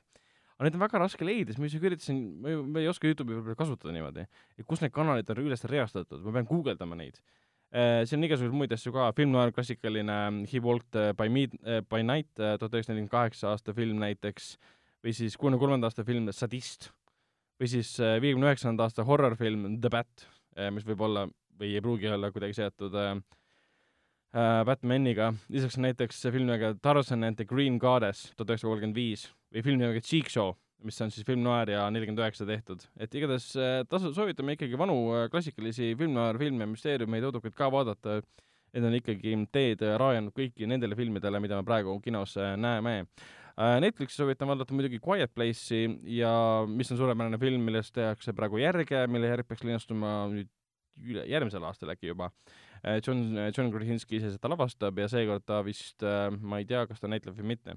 Aga Quiet Place ehk siis Kena vaikne kohake on suurepärane õudusfilm, Äh,, mis on- täiesti fantastiline. vabalt vist kuulub juba klassikute hulka äh,, Umbes julge film, teistsugune kahekümne film. aasta pärast näitame seda uuesti. no täpselt. ja lisaks on Netflixis olemas ka Sofia Coppola film The Beguiled, mis Eesti ki- kinodes oli, mis ma ei mäleta, mis selle nime, on see Eesti kinodes jooksis, aga see on jah, Coppola oma, minule ta isiklikult väga sügavat muljet ei jätnud, aga ta oli ju selle Clint Eastwoodi vana filmi remake. Female remake nii-öelda, naisversioon aga. kuna seal on noh, see Colin Farrell lööb kaasa, Nicole Kidman lööb kaasa, Elle Fanning lööb kaasa, ta on korralik äh, ajastu põnevik, ütleme nii. lihtsalt muidugi soovitame vaadata Teliast muidugi Tšernobõlit, sest see on suurepärane asi, selle aasta üks parimaid seriaale, petetud. Petetud The täpselt. Big Wild. ja muidugi ka Euphoriat, mis sai nüüd läbi, et siis kõik episoodid on Telia HBO-s nüüd olemas. ja Amazonist soovitame vaadata muidugi The Boys'i, mida mina juba vaatan ja see on suurepärane. aga sellega saamegi saatele joone alla tõmmata, et seekord tuli natukene alla kahe tunni isegi ja, ja järgmine saade, mis meil nüüd uuel nädalal linastub, ehk siis samal nädalal meil linastub Quentin Tarantino üheksas film on meil teistsugune, sest seal me räägime ainult äh, Quentin Tarantino filmidest. aga sellega jah, lõpetame. mina olin äh, Ragnar, minuga koos tänases saates oli, oli Hendrik, tšau. tšau.